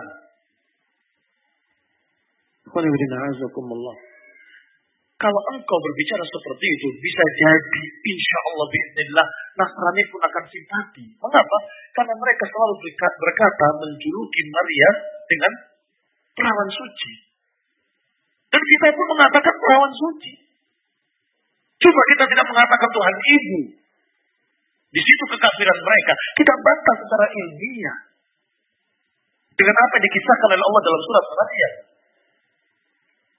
Hati-hati azakumullah. Walaupun jangan hulu dan jangan pula sok-sok politis. Politis itu sama dengan dusta. Ini bukan dusta, bahasa politis ya sama. Bahasa politis itu bahasa dusta. Seperti haula ayat al-qarni Salman Auda dan kawan-kawan ketika musim Natalan akan selempang tertulis I love Yesus. Bagaimana itu? Salahnya di mana? Kalau dituntut kalimatnya, mereka punya pembelaan. Yesus kan Nabi Isa. Saya cinta Nabi Isa. Masa kamu gak cinta? Saya cinta Nabi Isa. Bahasa mereka Yesus. Saya tidak membahas itunya kok. Maaf. Yang saya bahas adalah politisme itu tadi. Mengesankan kalau engkau membela Nasrani, memuji Nasrani. Iya kan? Kesan. Kenapa enggak mau tulis Isa alaihi salam? Aku cinta Isa alaihi salam. Kenapa? Kenapa disebut Yesus? Karena ingin dapat sanjungan dan pujian oleh Nasrani. Itu namanya na'udzubillah bahasa politis. Berdusta. Seakan-akan kamu mencintai apa yang sudah mereka jadikan sebagai Tuhan. Seakan-akan kamu setuju bahwa itu adalah Tuhan yang mulia yang harus dicintai.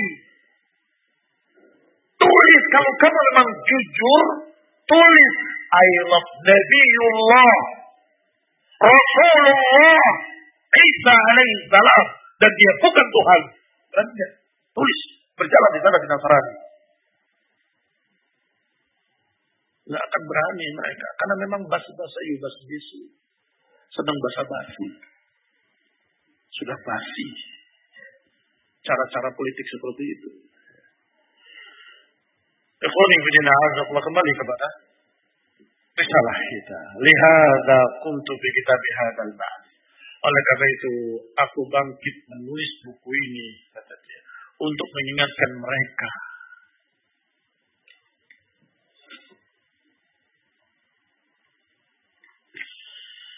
Faslun fi ta'zimi sunnah. Pasal tentang wajibnya menghormati sunnah. Qala Allah Jalla wa Ala Allah berfirman wa ma kana lil mu'minin wa la mu'minatin idza qada Allah wa rasuluhu amran an yakuna lahumul khiyaratu min amrihim. Allah berfirman tidaklah bagi mukmin laki-laki maupun perempuan kalau ada keputusan dari Allah dan Rasulnya nggak ada bagi mereka pilihan lain kecuali menerima. Allah juga berfirman man yuti'ir rasul faqad Allah. Siapa yang mentaati Rasul berarti dia mentaati Allah. Demikian pula Allah berfirman, "Laqad kana lakum fi Rasulillahi uswatun hasanah liman kana yarjullaha wal yawmal akhir wa dzakarallaha katsira." Sungguh telah ada bagi kalian pada diri Rasulullah sunnah, contoh teladan yang baik. Bagi siapa yang mengharapkan Allah dan hari akhir dan banyak mengingat Allah. Ini juga perintah untuk meneladani, mengikuti sunnah Rasulullah SAW. Juga Allah berfirman, wa in tuti'uhu tahtadu, wa ma'ala rasuli illa al-balagul mubin. Kata Allah, jika kalian taati dia, yakni Rasulullah, tahtadu, kalian akan terbimbing dalam hidayah. Dan tidaklah kewajiban atas Rasul kecuali menyampaikan. Tidaklah kewajiban atas mereka kecuali menyampaikan. Adapun kalian ngikut kalian yang mendapatkan pahalanya dari Allah. Kalian tidak ngikut kalian yang mendapatkan dosanya. Artinya kembalinya pada kalian sendiri. Rasulullah SAW dapat tugas menyampaikan. Adapun memaksa tidak bisa. La ikrara fidin. Gak ada paksaan dalam agama. Apalagi menakdirkan. Rasulullah SAW tidak bisa menakdirkan. Siapa yang dapat hidayah, siapa yang tidak. Maka Allah katakan, Inna la tahdi man. Engkau tidak bisa memberikan hidayah dalam artian menentukan hidayah pada siapa yang kau kehendaki. Maka kewajiban beliau oleh salam adalah al-balagh al-mubin, menyampaikan sejelas-jelasnya. Waqad addal amanah sallallahu alaihi wa ala alihi wasallam. Beliau telah menunaikan amanah, telah menjelaskan sejelas-jelasnya, telah menerangkan seterang-terangnya, dan beliau menyatakan aku tinggalkan kalian di atas jalan yang putih bersih, terang benderang, malamnya seperti siangnya, sama-sama terang. Kalau dikasih alamat, nih alamatnya, jelas, jelas, sangat jelasnya. Siang Begitu malam, bingung. Gelap. Tetapi agama, lailuha kanahariha. Sama malamnya seperti siangnya. Sama-sama terang beneran. Maka siapa yang menyelisihinya salah sendiri. Kulun nas yadkhulun al-jannah illa man aba. Semua orang masuk surga kecuali yang gak mau. Para sahabat terkejut ya Rasulullah. Mana ya aba? Siapa yang menolak? Siapa yang tidak mau masuk surga? Man ata'ani dakhal al-jannah. Wa man afani faqad aba. Siapa yang mengikuti aku berarti dia masuk surga. Dan siapa yang menentang aku berarti dia tidak mau. Tidak mau masuk surga. Mudah kan? Teorinya simple. Siapa yang mau masuk surga ikuti Rasul. Juga Allah mengancam falyahdharil ladina yukhalifuna an amri an tusibahum fitnah atau yusibahum azabun adim. Hendaklah hati-hati orang yang menyelisihi perintahnya akan ditimpa fitnah atau ditimpa adab yang pedih. Imam Ahmad rahimahullah dilaporkan kepadanya berita si fulan disampaikan hadis ini menolak katanya ada pendapat dari pendapat Sufyan. Marah Imam Ahmad. Dan beliau mengatakan ajibtu min qawmin araful isnada wa fahadahu wa yadhabuna ila rahi, Sufyan wa ghairi. Aku heran dengan orang yang mengerti sanad, mengerti sahihnya hadis, tetapi dia lebih memilih pendapatnya Sufyan dan lainnya. Ikhwan ibn Azakullah walaupun Sufyan Tsauri imam ulama ahlu sunnah. Tetapi kalau ada hadis sahih, hadis sahih lebih tinggi. Jangankan Sufyan Tsauri atau Sufyan ibn Uyainah. Abu Bakar wa Umar sekalipun. Kalau dengan hadis yang sahih, tentunya lebih tinggi hadis yang sahih. Oleh karena itu Abu Bakar Ibn Abbas berkata, Akhsya an tanazzala alaikum hijarah min as-sama. Aqulu qala Rasulullah wa taquluna qala Abu Bakr wa Umar. Aku khawatir akan turun azab. Aku katakan bersabda Rasulullah, kalian bantah dengan qala Abu Bakar qala Umar.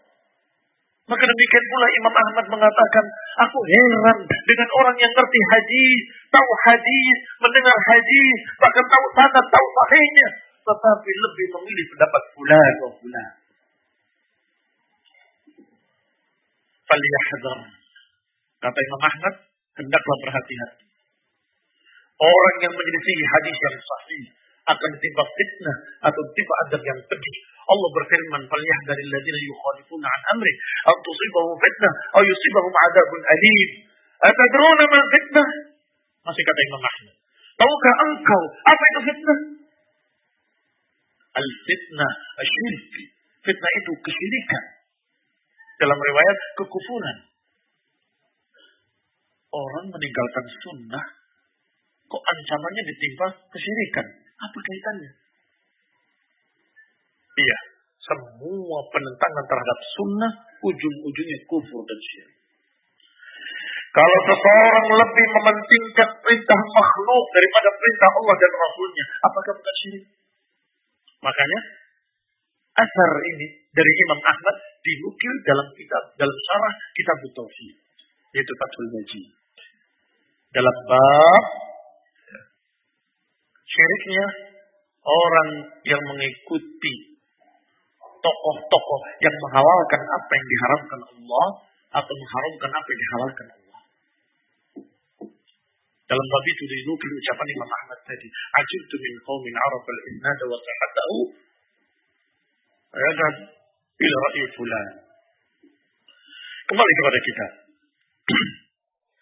Dalil berikutnya Allah berfirman Ya'lamu annahu man yuhadidillah wa rasulahu fa anna lahu nar jahannam khalidan fiha dhalikal khizyul azim Tidakkah mereka tahu siapa yang menentang Allah dan Rasulnya? Maka baginya neraka jahanam kekal di dalamnya. Dan itu adalah kehinaan yang besar. Siapa diancam dengan neraka jahanam? Menyuhadidillah. Wa rasulah. Yang menentang Allah dan Rasulnya. Di antara contoh bentuk menentang, ya seperti tadi. Rasul menyatakan rukun iman ada enam. Menurut saya lima saja. Jangan enam. Menentang. Rasul menyatakan dengan perintah-perintah, dia menyatakan saya tidak setuju. Ini akan bikin kaum muslimin mundur. Bukankah itu menentang? Ancamannya berat. Man yuhadidillah wa rasulahu fa inna lahu nar jahannam khalidan fiha Fadzalikal khizyul azim. Itu adalah kehinaan yang sangat besar. Juga Allah berfirman di dalam surat Al-Hujurat, "Ya ayyuhalladzina amanu la tarfa'u aswatakum fawqa sawti an-nabi wa la tajharu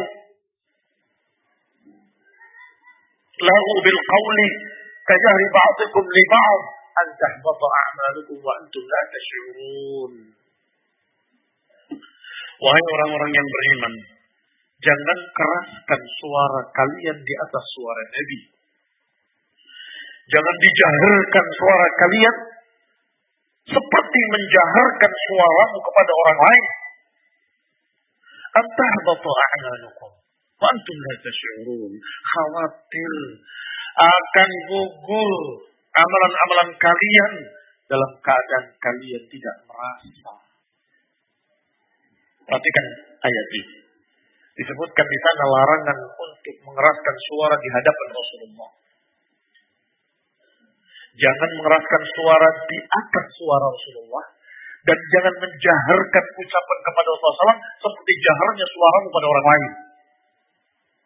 Kepada Nabi suaranya keras itu. Jangan. Nggak boleh. Nggak sopan. Apalagi lebih keras dari suara Nabi. Jangan. Apa ancamannya? Antahbata a'malukum wa antum la tash'urun. Agar jangan gugur amalan-amalan kalian dalam keadaan kalian tidak merasa. Dalam keadaan kalian tidak merasa. Lihat fikihnya dari Ibnu Qayyim rahimahullah. Qala Ibnu Qayyim ta'ziqan. Ibnu Qayyim mengomentari. Fahaddara al-mu'minina min hubuti a'malihim. Ayat ini memperingatkan kaum mukminin agar jangan sampai gugur amalan-amalan mereka bil jahri di Rasulullah dengan mengeraskan suara kepada Rasulullah seperti mengeraskan suara mereka kepada orang lain. Walaysa hadza biriddah padahal itu bukan murtad tetapi menggugurkan amalan. Kalau murtad sudah jelas. Lain asyrakta la yahbatanna amalu. Kalau kau berbuat syirik akan gugur amalanmu. Tapi ini hanya mengeraskan suara. Dikatakan oleh Allah jangan mengeraskan suara, nanti gugur amalanmu. Maka kata Ibnu ini ancaman menggugurkan amalan padahal bukan murtad. Bal maksiatun tuhbitul amal. Bahkan itu kemaksiatan tetapi menggugurkan amalan. Wa fahimuha la yash'ur dan pelakunya gak merasa. Berkurang, berkurang, berkurang amalannya. Mana catatan sholat saya? Mana catatan puasa saya? Mana catatan sedekah saya? Mana catatan nasihat saya? Ternyata gugur semua dengan perbuatan-perbuatan dia dari dosa-dosa yang menggugurkan amal. Famadhan biman qaddama ala qawli Rasulullah. Masih ucapan Abu Qayyim. Maka, bagaimana kira-kira dugaan kalian kalau yang dikeraskan suaranya bukan suara di lidahnya, tetapi ucapannya didahulukan di atas ucapan Nabi. Lebih dipentingkan daripada ucapan Nabi, lebih didahulukan daripada ucapan Nabi. Bagaimana kira-kira? Yani qaddama ala qawli Rasulullah diutamakan di atas ucapan Rasulullah, lebih diutamakan dari bimbingan Rasulullah. Wa tariqihi. Dan lebih dipentingkan daripada jalan Rasulullah. Lebih mementingkan ucapan orang lain. Wahadihi wa tariqihi, jalan orang lain. Dan bimbingan orang lain. Ini hadis sahih. Iya tapi fulan mengatakan begini. Ini hadis sahih. Iya tapi Syekh Alan mengatakan begini. Ini hadis sahih, mutafakun alaih, wa rawahu sab'ah. Ya tapi beliau kan alim. Ajib. عجبت من قوم عرفوا الإسناد وصحته ثم يذهبون إلى رأي فلان أليس هذا قد حبط عمله وهو لا يشعر Kata Qayyim bukankah itu pun menggugurkan amalan? Diriwayatkan dari Arbad bin Sariyah radhiyallahu taala anhu. Beliau memberikan nasihat sallallahu alaihi wa ala alihi wasallam dengan nasihat yang belir yang mengena di hati para sahabat. Darafat minhal uyun wa wajidat minhal qulub. Bercucuran air mata mereka dan bergetar hati-hati mereka sampai mereka berkata ya Rasulullah seakan-akan nasihat ini nasihat perpisahan. Fa'usina berikan wasiat kepada kami. Maka Nabi menyatakan wasikum bitaqwallah wa sam'i wa ta'a wa in ta'amara alaikum 'abdun hadash. Fa innahu man ya'ish minkum fa sayara ikhtilafan katsira. Fa 'alaikum bisunnati wa sunnatul khulafaur rasyidin al-mahdiyyin. Pesan. Kalau pesan itu perintah di atasnya lagi. Perintah itu sudah wajib. Apalagi di atasnya. Sebab dalam tafsir kalimat wasiyah disebutkan oleh Ibnu Atiyah rahimahullah bahwa wasiyah adalah al-amru al-mu'akkad al-muqarram. Perintah yang ditekankan dan ditegaskan. Aku wasiatkan pada kalian. Isinya pertama takwa Allah. Kedua sabar bersama imam, penguasa kalian. Selama dia masih muslim walaupun cacat, walaupun tidak layak menjadi pemimpin karena kurang ininya kurang itunya. Sabar. Yang ketiga, alaikum bisunnati atas kalian untuk berpegang dengan sunnah dengan ancaman-ancaman tadi yang kita baca, dengan ancaman-ancaman Rasulullah SAW dalam hadis, maka Abu Bakar berkata, perhatikan ucapan Abu Bakar, lastu tarikan syai'an. Karena Rasulullah SAW ya'mal bihi illa amiltu bihi. Wa inni la akhsha in taraktu syai'an min amri al-azir Kata Abu Bakar Siddiq radhiyallahu taala anhu, aku tidak akan meninggalkan sedikit pun dari perintah-perintah Rasulullah SAW, dari amalan-amalan Rasulullah, kecuali aku amalkan. Karena aku khawatir, kalau aku tinggalkan satu saja dari perintah beliau, an azir, aku khawatir akan menyimpang sesat. Karena Allah mengancam, dari ladina yukhalifuna an amri, antu subahum fitnah. Siapa yang menyelisihi jalan Rasul dikhawatirkan terkena fitnah, yaitu kesyirikan, penyimpangan, kekufuran. Demikian pula ayat, "Wa ma yushaqiqir rasul min ba'di ma tabayyana lahu al-huda wa yattabi' ghayra sabilil mu'minin nuwallihi ma tawalla wa nuslihi jahannam." Siapa yang menyelisihi jalan Rasul padahal sudah jelas baginya petunjuk, maka kata Allah, "Nuwallihi ma tawalla," kami sesatkan dia. Wa nuslihi jahannam dan kami masukkan dia dalam neraka jahannam.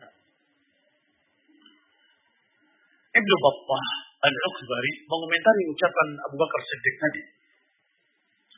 Beliau berkata, "Ya hada ya ikhwani as-siddiqul akbar." Lihatlah, wahai saudara-saudaraku. Ini ucapan as-siddiq al-akbar. Sebesar-besar siddiq. Yatahawaf ala nafsih. Beliau mengkhawatirkan dirinya. Takut menyimpang kalau meninggalkan satu saja sunnah. Yatakhawaf ala nafsihi min az-zaid.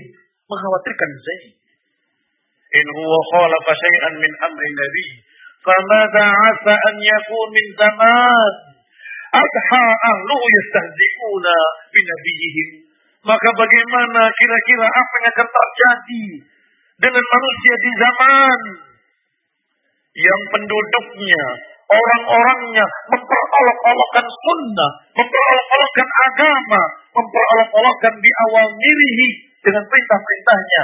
Wa yatabahawna akan bangga dengan penyelisihan terhadap sunnah. Kalau saya mah tidak sunnah-sunnahan. Kalau saya mah gak pakai gitu-gituan. Itu kuno dulu itu. Ngapain sekarang kita kerjakan yang seperti itu? Astagfirullah. Astagfirullah. Bukan hanya menyelisihi, tetapi bangga dengan penyelisihannya. Bukan hanya menyelisihi, tetapi memperolok-olok sunnahnya. Maka kata Ibnu Bapak, kira-kira apa yang akan terjadi pada umat ini? Kalau turun bencana, turun adab, wajar. Sewajar-wajarnya. Jangan salahkan yang menakdirkan. Walumu anfusakum. Salahkan diri-diri kalian sendiri yang memperolok-olok agama, meremehkan agama, menyia-nyiakan agama, menjauhi sunnah nabawiyah. Jangan salahkan kecuali diri kita sendiri. Ikhwan ibn azakumullah. Kata beliau asa famada asa an yakun. Kira-kira apa yang akan terjadi min hadaz zaman yang abha ahluhu yang pelaku orang-orangnya, penduduknya di zaman tersebut justru berbangga-bangga dengan menyelisihi sunnah. Wa yaskharuna bi sunnatihi mentertawakan sunnah Rasulullah SAW. Nasallallahu usmah minaz zalal. Kita meminta perlindungan dari Allah dari ketergelinciran dan penyimpangan. Wa najat min su'il amal dan keselamatan dari kejelekan amal.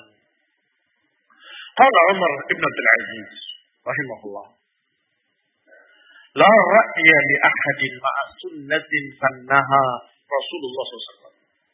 Tidak ada pendapat siapa pun kalau udah ada sunnah Nabi Sallallahu Alaihi Wasallam.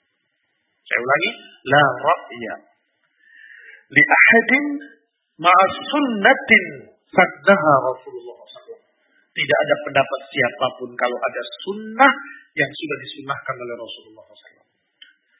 Tidak perlu menengok, tapi si Fulan punya pendapat, tapi nggak perlu pendapat siapa pun. Sudah tidak bisa dibandingkan dengan ucapan siapa pun kalau sudah ada sunnah.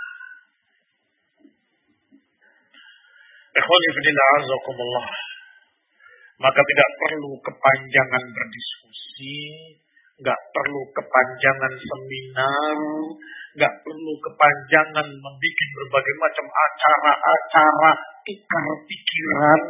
Eman, jangan ditukar. Ya, pikiran yang dipenuhi iman, jangan ditukar dengan pikiran ahlul kalam, ahlul mantik, ahlul bidah. Yang senangnya dengan seminar, seminar, seminar, seminar. Dan kalau dalam seminar itu ada yang berkata, dalam masalah ini ada hadis, dalam masalah ada hadis, dimarahin. Kalau kamu selalu bawa hadis, bawa hadis, bawa hadis, kita nggak bisa diskusi.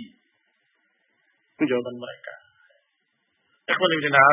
karena mereka memang hanya ingin mengadu argumen otak atik otaknya mereka. Kalau Umar Ibn Abdul Aziz la ra'ya li ahadin ma sunnatin sannaha Rasulullah. Sudah tidak ada pendapat siapa pun kalau sudah ada sunnah. Wa an Abi Qilabah. Abu Qilabah berkata, "Idza haddatsa ar-rajul bis sunnah." Kalau engkau mengajak bicara seseorang dengan hadis, kemudian orang itu menjawab, "Da'na min hadha wa kitab Allah." Tinggalkan kami dari itu semua. Saya minta dalil dari Quran. Katanya. Kalau ada orang yang dikasih hadis sahih, jawabnya sudah tinggalkan itu. Mana dalilnya dari Quran? Fa'lam annahu bal. Ketahuilah kalau orang itu sesat. Jelas sesat. Mengapa? Karena dalam Quran ada perintah untuk taat pada Nabi. Maka kalau dibacakan hadis, itu artinya menjalankan perintah Allah dalam Quran. Maka kalau ada orang yang disampaikan hadis nggak puas, nggak terima, saya maunya Quran. Oh berarti orang ini doan. Ada ngeng di kepalanya. Ada sesuatu. Ada zaid. Imam Az-Zahabi mengomentari. Kata beliau, iya, jika engkau melihat ada seseorang yang diajak bicara dengan hadis, kemudian menjawab, tinggalkan kami dari Quran dan Sunnah. Apalagi hadis dari ahad. Hadal akal. Coba terangkan secara akal. Ini lebih parah dari yang tadi. Kalau tadi dikasih sunnah, mintanya Quran. Berarti mempertentangkan Quran dengan sunnah, padahal tidak bisa dipisahkan. Berarti wow. Tapi yang kedua ini kata Zahabi, kalau engkau bertemu dengan seseorang, disampaikan dalil dari Quran dan sunnah, tidak mau, tidak puas, coba terangkan secara akal. Apa itu fungsinya? Apa tujuannya? Coba terangkan secara akal. Fa'lam annahu Abu Jahlin. Ketahuilah, oh orang ini Abu Jahal. Bapaknya kebodohan. Wa idza salik at-tauhidi. Dan kalau engkau melihat seorang yang berjalan di aliran sufi wahdatul wujud.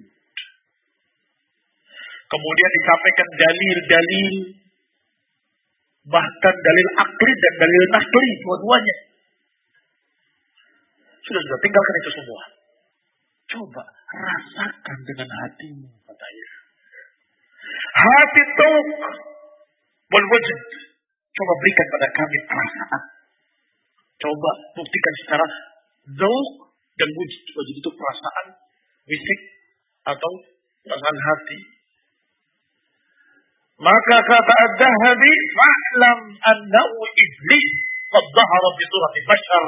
Berarti ketahuilah bahwa dia iblis dalam bentuk manusia. Atau iblis meraksuk pada dia. Fa in jabunta minhu fahrub. Kalau kamu takut, lari. Auzubillahi minasyaitonir rajim. Setan. Kalau takut, lari. Wa illa kalau kamu berani, fasra'hu. Kamu lawan dia, kamu jatuhkan dia. Wabruk ala duduk di dadanya dan katakan ayat kursi. Iqra alaihi ayat al-kursi. Wahdaqhu. Cekik dia. Ini ucapan ulama Imam Zahabi rahimahullah. Dan diawali dengan ucapan Abu Qilabah rahimahullah. Kalau dikasih hadis menolak had Quran. Loh, emang kalau hadis gak berlaku?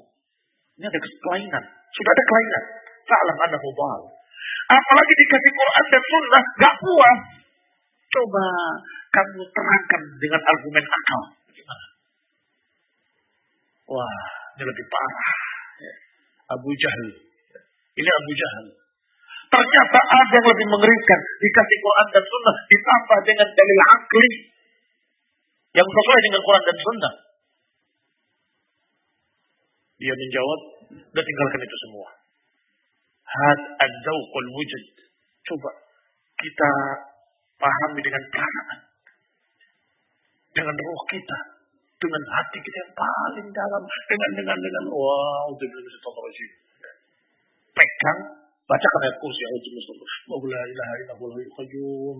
Ya. Jangan-jangan ada jinnya. Ya. Kata Az-Zahabi rahimahullah.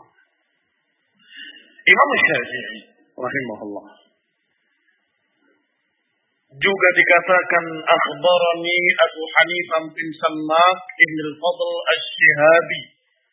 قال حدثني ابن أبي الذئب عن المقري عن أبي شريح الكعبي عن النبي صلى الله عليه وسلم قال عام الفتح من قتل له قتيل فهو بخير النظرين.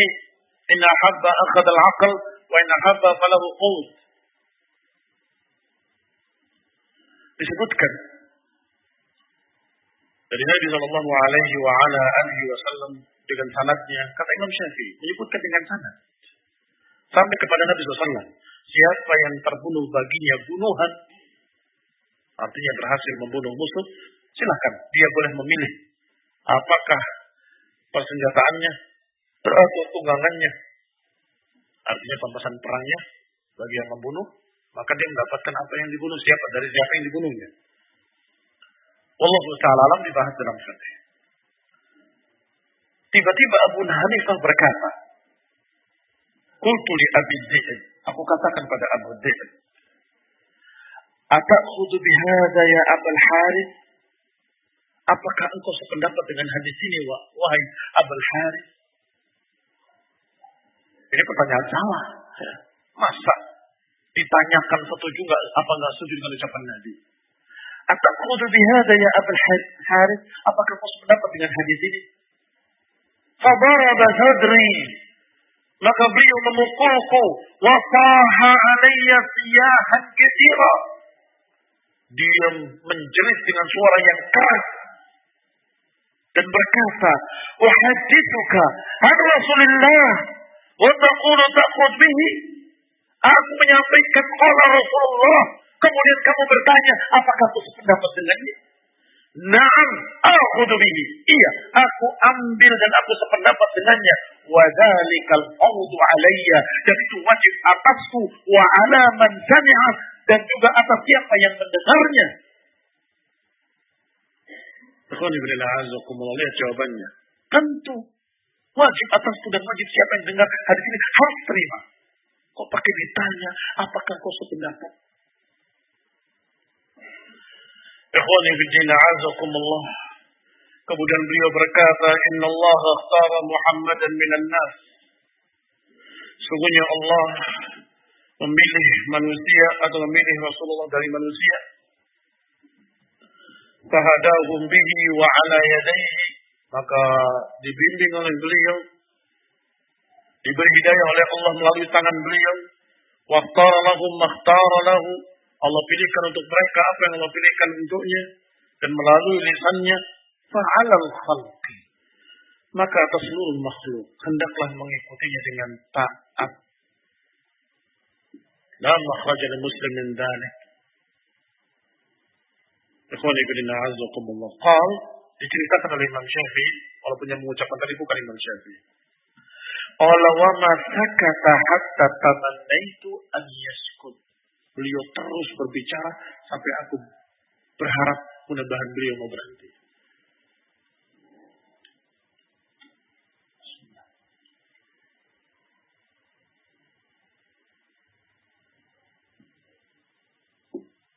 Kalau Syafi'i Gak ngirim kertas Ustaz sampai jam setengah dua atau jam berapa? Sampai jam berapa ini? Sudah lewat.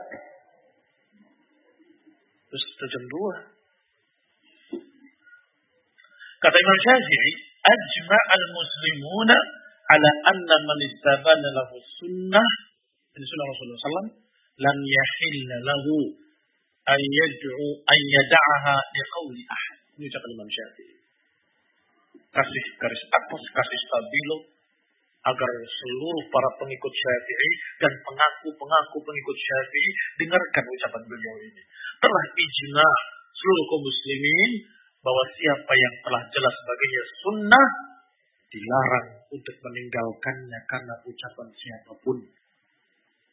Ijma, kesepakatan seluruh ulama Siapa yang mendapatkan hadis sahih, sunnah dari sunnah Rasulullah, maka tidak boleh meninggalkannya karena ucapan siapa pun.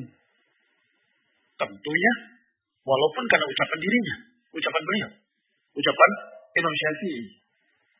Kalau ada ucapan yang bertentangan dengan hadis, ambil hadis, lemparkan ucapan ke dinding. Ini ucapan masyhur, ma'ruf dari beliau, rahimahullah. Juga Imam Syafi'i berkata, ketika suatu hari beliau menyampaikan satu haji. Ini dikisahkan oleh Al-Humaydi, yang juga alim, ulama, sezaman dengan Imam Syafi'i. Kata Al-Humaydi, Imam Syafi'i pernah meriwayatkan satu haji. Kemudian aku bertanya, ada bihi, apakah kau sependapat? Apakah aku mengambil hadis ini? Ini sependapat dengan hadis ini? Maka Imam Syafi'i menjawab, Ra'aytuni kharajtu minal kanisah aw alayya zannar apakah kau lihat aku keluar dari gereja atau gamisku ini ada sabuknya pembeda gamisnya Nasrani dengan gamisnya muslimin adalah sabuk di pinggangnya kalau gamisnya sama Perhatikan para uskup-uskup mereka pakai jubah, ya kan?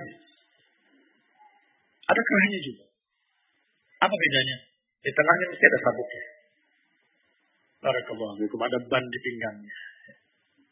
Kata Imam Syafi'i, "Ara'aitani kharajtu min al-kanisa aw alayya zadar?"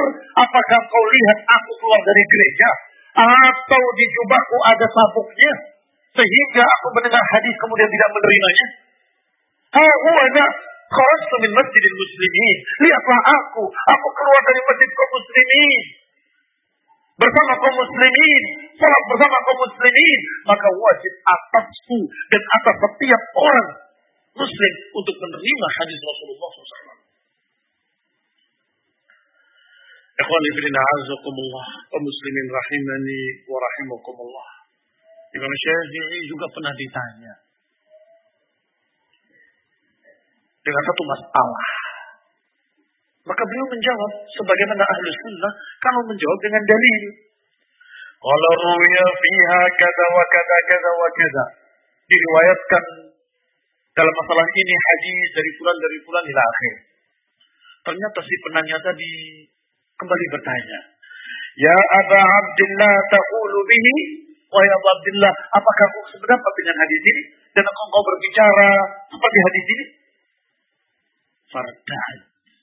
Imam Syafi'i gemetar. Ditanya seperti itu. Apakah kau sependapat dengan Rasulullah? Kan itu mananya. Apakah kau sependapat dengan apa yang diucapkan Rasulullah? Ya tentunya. Beliau gemetar. Wantafam dan marah. Ya hada ayu ardin tuqilluni wa ayu samain tudilluni. Bumi mana yang akan aku pijak dan langit mana yang akan menaungi aku kalau aku mendengar ucapan Rasulullah kemudian aku tidak sependapat Ya akan mendengar prinsip ahlus sunnah yang kokoh. Kalau ada hadis sahih bagi seorang muslim harus terima. Barakallahu fikum. Maka ketika ditanya apakah kau sependapat dengan hadis ini, gemetar Imam Syafi'i. Dan berkata, ayu ardin tuqilluni wa ayu sama'in tudilluni. Bumi mana yang akan aku pijak, langit mana yang akan menaungi aku. Kalau diriwayatkan satu haji, falam akul bih, kemudian aku tidak sependapat dengannya. Naam, alayya sam'a wal basar. Iya, atasku untuk menerimanya dengan mata dan telinga. Imam Ahmad rahimahullah juga begitu. Tadi sudah kita sebutkan ucapannya. Min qawmin araful isnada wa sahasahu yadhabuna ra'isu biha. Juga berkata di sini dinukil kata Imam Ahmad rahimahullah man radda hadisan Nabi SAW fahuwa ala syafa halaka. Siapa yang menolak hadis Nabi maka dia di pinggir jurang kehancuran. Berkata Imam Al-Barbahari, Ida sami'ta rajul yat'an fil athar. Kalau engkau mendengar seseorang mencerca riwayat-riwayat atau menghendaki selain hadis, maka tuduhlah keislamannya. Wala tasyuk dan jangan ragu kalau dia sahibu hawan mubtadi' dia adalah pengekor hawa nafsu ahlul bidah. Islamnya diragukan. Ahli bid'ahnya tidak ragu lagi. Kalau ada yang mencerca hadis atau menginginkan selain hadis, jangan dengan hadis. Coba ayatnya mana? Fa'alam annahu dhal. Kata Imam Al-Barbahari dalam kitab Syarh Sunnah, kalau ada orang yang mencerca atar atau menolak atar atau menginginkan selain atar, tuduhlah keislamannya. Masih diragukan keislamannya. Dan jangan ragu kalau dia adalah sahibu hawan mubtadi'.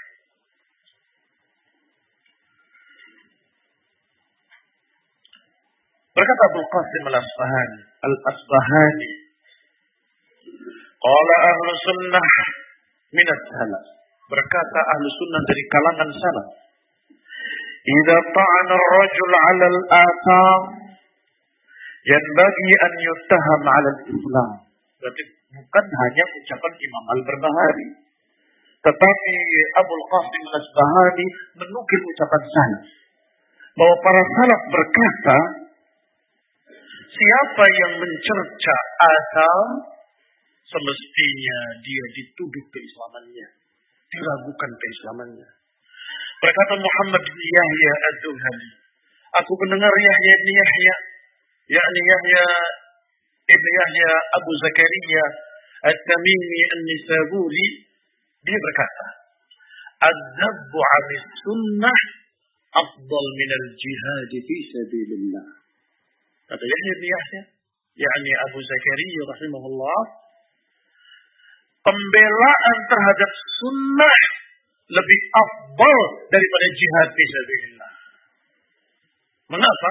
Karena itu pun nau'un minal jihad, bahkan jihadul khawas. Pembelaan terhadap sunnah. Maka dikatakan lebih afdal dari jihad dengan senjata. Pembelaan terhadap sunnah. Qala Muhammad qultu Yahya, aku katakan pada Yahya, ar-rajul yunfiq malahu wa yat'ab nafsahu wa yujahid fahuwa afdal minhu. Ada yang bertanya setelah dikatakan afdal min jihad. Pembela sunnah lebih afdal daripada jihad. Berkata Muhammad bin Yahya, saya katakan, orang mengeluarkan hartanya, melelahkan jiwanya, bersabung nyawa dalam jihad fisabilillah. Apakah tetap lebih afdal membela sunnah? Qala na'am bikathir. Iya, lebih banyak lagi. Ada lebihnya banyak, bukan berbeda sedikit. Lebih afdal bikathir. Lebih afdal bikathir. Qala Abu Ubaid Al-Qasim bin Sallam Al-muttabi' lis-sunnah fal-qabid 'ala al-jamr. Orang yang berpegang dengan sunnah seperti memegang bara api. Dipegang dirinya terbakar. Dilepas-lepas dari sunnah. Berarti sangat beratnya. Naam. Oleh karena itulah. Wahuwa liyawm indi afdal min darb bisuyufi bisabilillah. Maka perkara itu sekarang ini. Sekarang di zaman fitnah ini sungguh lebih afdal daripada engkau mengayunkan pedang fisabilillah. Daripada engkau mengayunkan senjatamu fisabilillah. Lebih afdal engkau berpegang dengan sunnah. Mengapa? Silahkan. Jawab sendiri. Kalau kalian sudah baca mukaddimahnya dari pertama pembahasan. Ada 72 golongan sesat yang mereka lebih memilih rokyu mereka sendiri daripada sunnah. Yang artinya kalau engkau berpegang dengan sunnah, engkau akan dikeroyok 72 golongan. Berat, naam. Kalau qabid ada jamur seperti memegang bara api. Kamu pegang sunnah, kamu terbakar, susah, berat, fitnah, ujian yang berat. Kalau dilepas, sesat. Pilih mana? Yang mau tidak mau. Tidak ada pilihan lain kecuali menerimanya walaupun benar. Maka ini menurutku lebih afdal dari jihad fisabilillah. Berkata Al-Humaydi rahimahullah, "Wallahi la an aghzuwa haula'i alladziina yuriduna hadits Rasulullah ahabbu ilayya min aghzuwa uddatahum min al-atraf. Kata Imam Al-Humaydi rahimahullah, sungguh demi Allah, kalau aku memerangi mereka-mereka yang menolak sunnah, lebih aku sukai daripada aku memerangi musuh-musuh agama dari kaum muslimin rahimani wa rahimakumullah. Berarti sudah ada tiga atau empat ulama yang mengucapkan sama. Berjuang membela sunnah, memberantas bid'ah. Berjuang membela sunnah dan meruntuhkan syubhat-syubhat para penentang-penentang sunnah ini lebih afdal daripada jihad fisabilillah. Karena itu jihadul khawas, jihadnya orang-orang khusus. Maka lebih afdal daripada jihad dengan senjata. Qala Malik bin Anas. Ini Imam Malik rahimahullah. As-sunnah safinatun Nuh. As-sunnah itu adalah perahunya Nabi Nuh. Man rakibaha naja. Wa man takhallafa anha. Sunnah adalah perahunya Nabi Nuh. Siapa yang menaikinya selamat dan siapa yang tidak mau menaikinya dia akan tenggelam. Sadaqallah nasah. Benar sekali ucapan Imam Malik rahimahullah. Karena Nabi Nuh diperintahkan oleh Allah membuat kapal dan siapa yang menaiki kapal Nabi Nuh selamat dari air bah dan bencana banjir. Yang lain tidak ada selamat.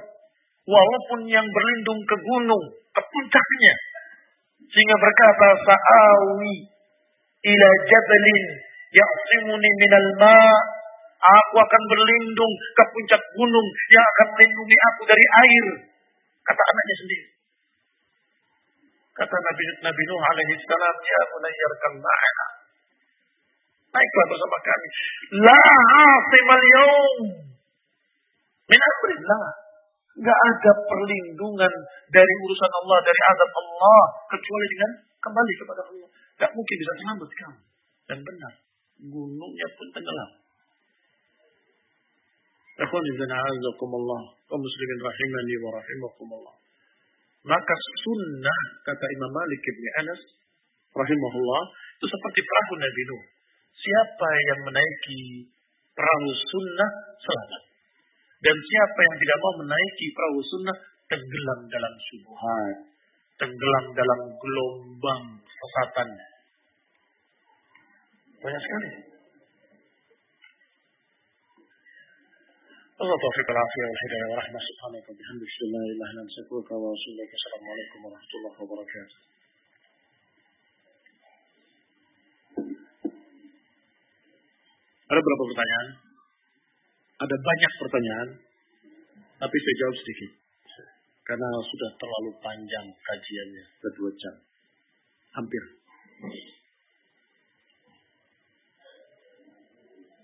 Apa Ustaz, apa yang lebih baik antara belajar atau menikah?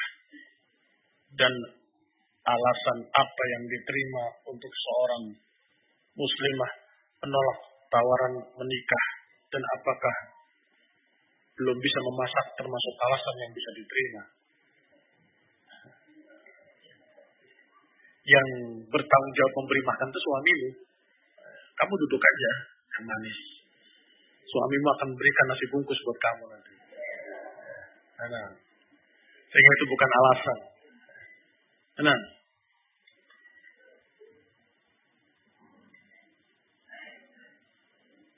Adapun belajar atau menikah berkait dengan sekian perkara. Ini perempuan kelihatannya. Kalau perempuan berkait dengan umur juga. Nah, kalau masih muda, masih umur-umur belajar, belajar sajalah. Nah, menolaknya apa? Ya mesti mau belajar. Kalau sabar, tunggu. Sampai selesai pondok saya, misalnya. Nah, kalau laki-laki, saya anjurkan untuk belajar, belajar, belajar, belajar. Nah, karena Masya Allah, ya, laki-laki dalam keadaan umur 35 pun masih aku. Bisa ambil dua, tiga atau empat. Barakallahu fikum. Kalau perempuan kasihan, sudah umur 30 sudah banyak yang enggan.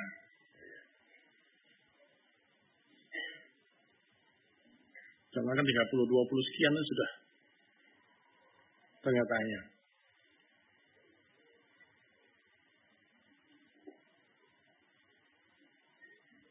Ada seorang yang menyukai sebuah warna. Kemudian ia berusaha agar semua barang-barangnya sesuai dengan warna kesukaannya. Ya, ya. Saya juga punya teman yang begitu. Pokoknya semua harus hijau. Apa yang termasuk perbuatan berlebihan? Lalu bagaimana jika hal tersebut dilakukan untuk menambah semangatnya. Semangat apa? Selama tidak bertentangan dengan Quran dan hadis, ya silakan saja. Kamu sukai apa yang kamu sukai. Tetapi kalau bertentangan, jangan. Diriwayatkan bahwa Rasulullah menyukai baju yang paling disukai adalah kumsah. Dan warna yang kesukaannya adalah putih. Maka ketika engkau sholat ke masjid pakai warna putih, lebih akbar daripada warna yang kamu sukai. Itu pertentangan. Tapi kalau tidak, silakan. Apa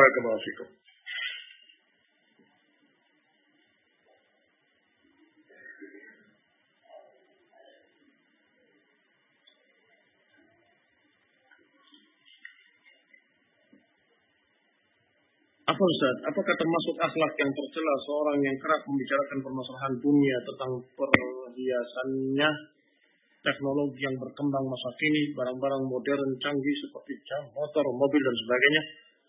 Apakah hukum orang yang kerap mengikuti tren terbaru?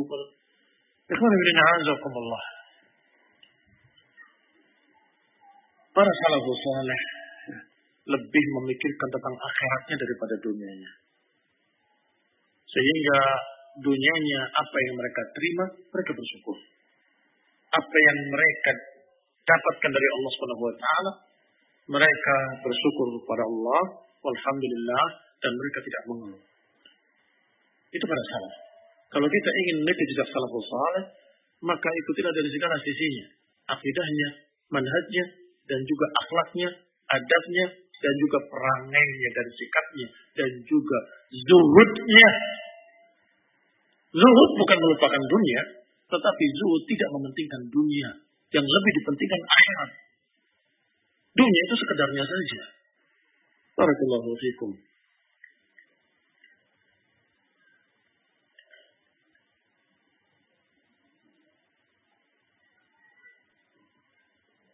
Mohon penjelasan tentang rambu-rambu pertemanan atau batasan-batasan syar'i dalam bergaul dengan sesama jenis yang Anda sering mendengar pada beberapa pondok salafi, santri dan santriwatinya berlebihan dalam berteman. Apa itu berlebihannya? Tidak disebutkan contohnya. Allah Allah. Barakallahu fikum yang namanya pergaulan adalah pergaulan yang diajarkan dalam sunnah kamu sebutkan, kamu baca semua yang ada dalam hadis, itulah pertemanan. Itulah persahabatan persaudaraan. Kalau sudah lebih dari itu, seperti hubungan antara suami dengan istri, maka nggak ada. Ya? Sebatas jabat tangan atau mu'anakoh. Mu'anakoh pun sesekali ketika perjumpaan dari luar kota. Jangan setiap hari ketemu pelukan. Ya. Itu ada kelainan berarti. Ya. Barakallahu fikum. Kalau lama nggak ketemu, tidak masalah. Ya. Mu'anah. Itu batasan-batasannya seperti itu. Ya. Tetapi kalau sehari-hari cukup dengan jabat tangan saja. Ya. Barakallahu fikum. Apalagi kemudian surat-suratan. Aku cinta kepadamu. Aku nggak bisa tidur memikirkan kamu. Saya pernah merampas surat seperti itu. Tapi ini di antara akhwat dengan akhwat. Disampaikan, dilaporkan pada saya. Gimana ini? Tidak boleh. Larang. Udah berlebihan. Surat seperti itu pantasnya orang nggak ketemu satu tahun atau dua tahun kan begitu.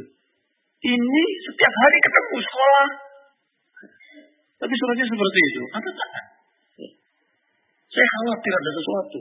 Itu satu. Pertanyaan kedua, temanmu cuma satu. Enggak sih. Kenapa cuma satu di surati? Ada apa itu? Apa yang lain bukan temanmu? Kamu gak cinta pada mereka. Jadi cinta kepada sesama mukmin, cinta sesama ahlu sunnah, ya seluruhnya. Kalau cuma satu saja ada sesuatu berarti. Jadi begitulah. Harus kita lihat batas-batasnya. Kalau sudah berlebihan, maka itu harus diwaspadai.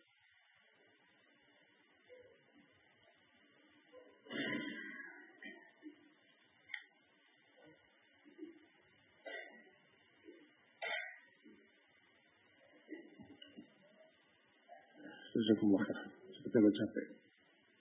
Baca aja susah. أتجد بهذا الخبر بارك الله فيكم سبحانك وبحمدك لا إله إلا أنت أستغفرك وأتوب إليك السلام عليكم ورحمة الله وبركاته.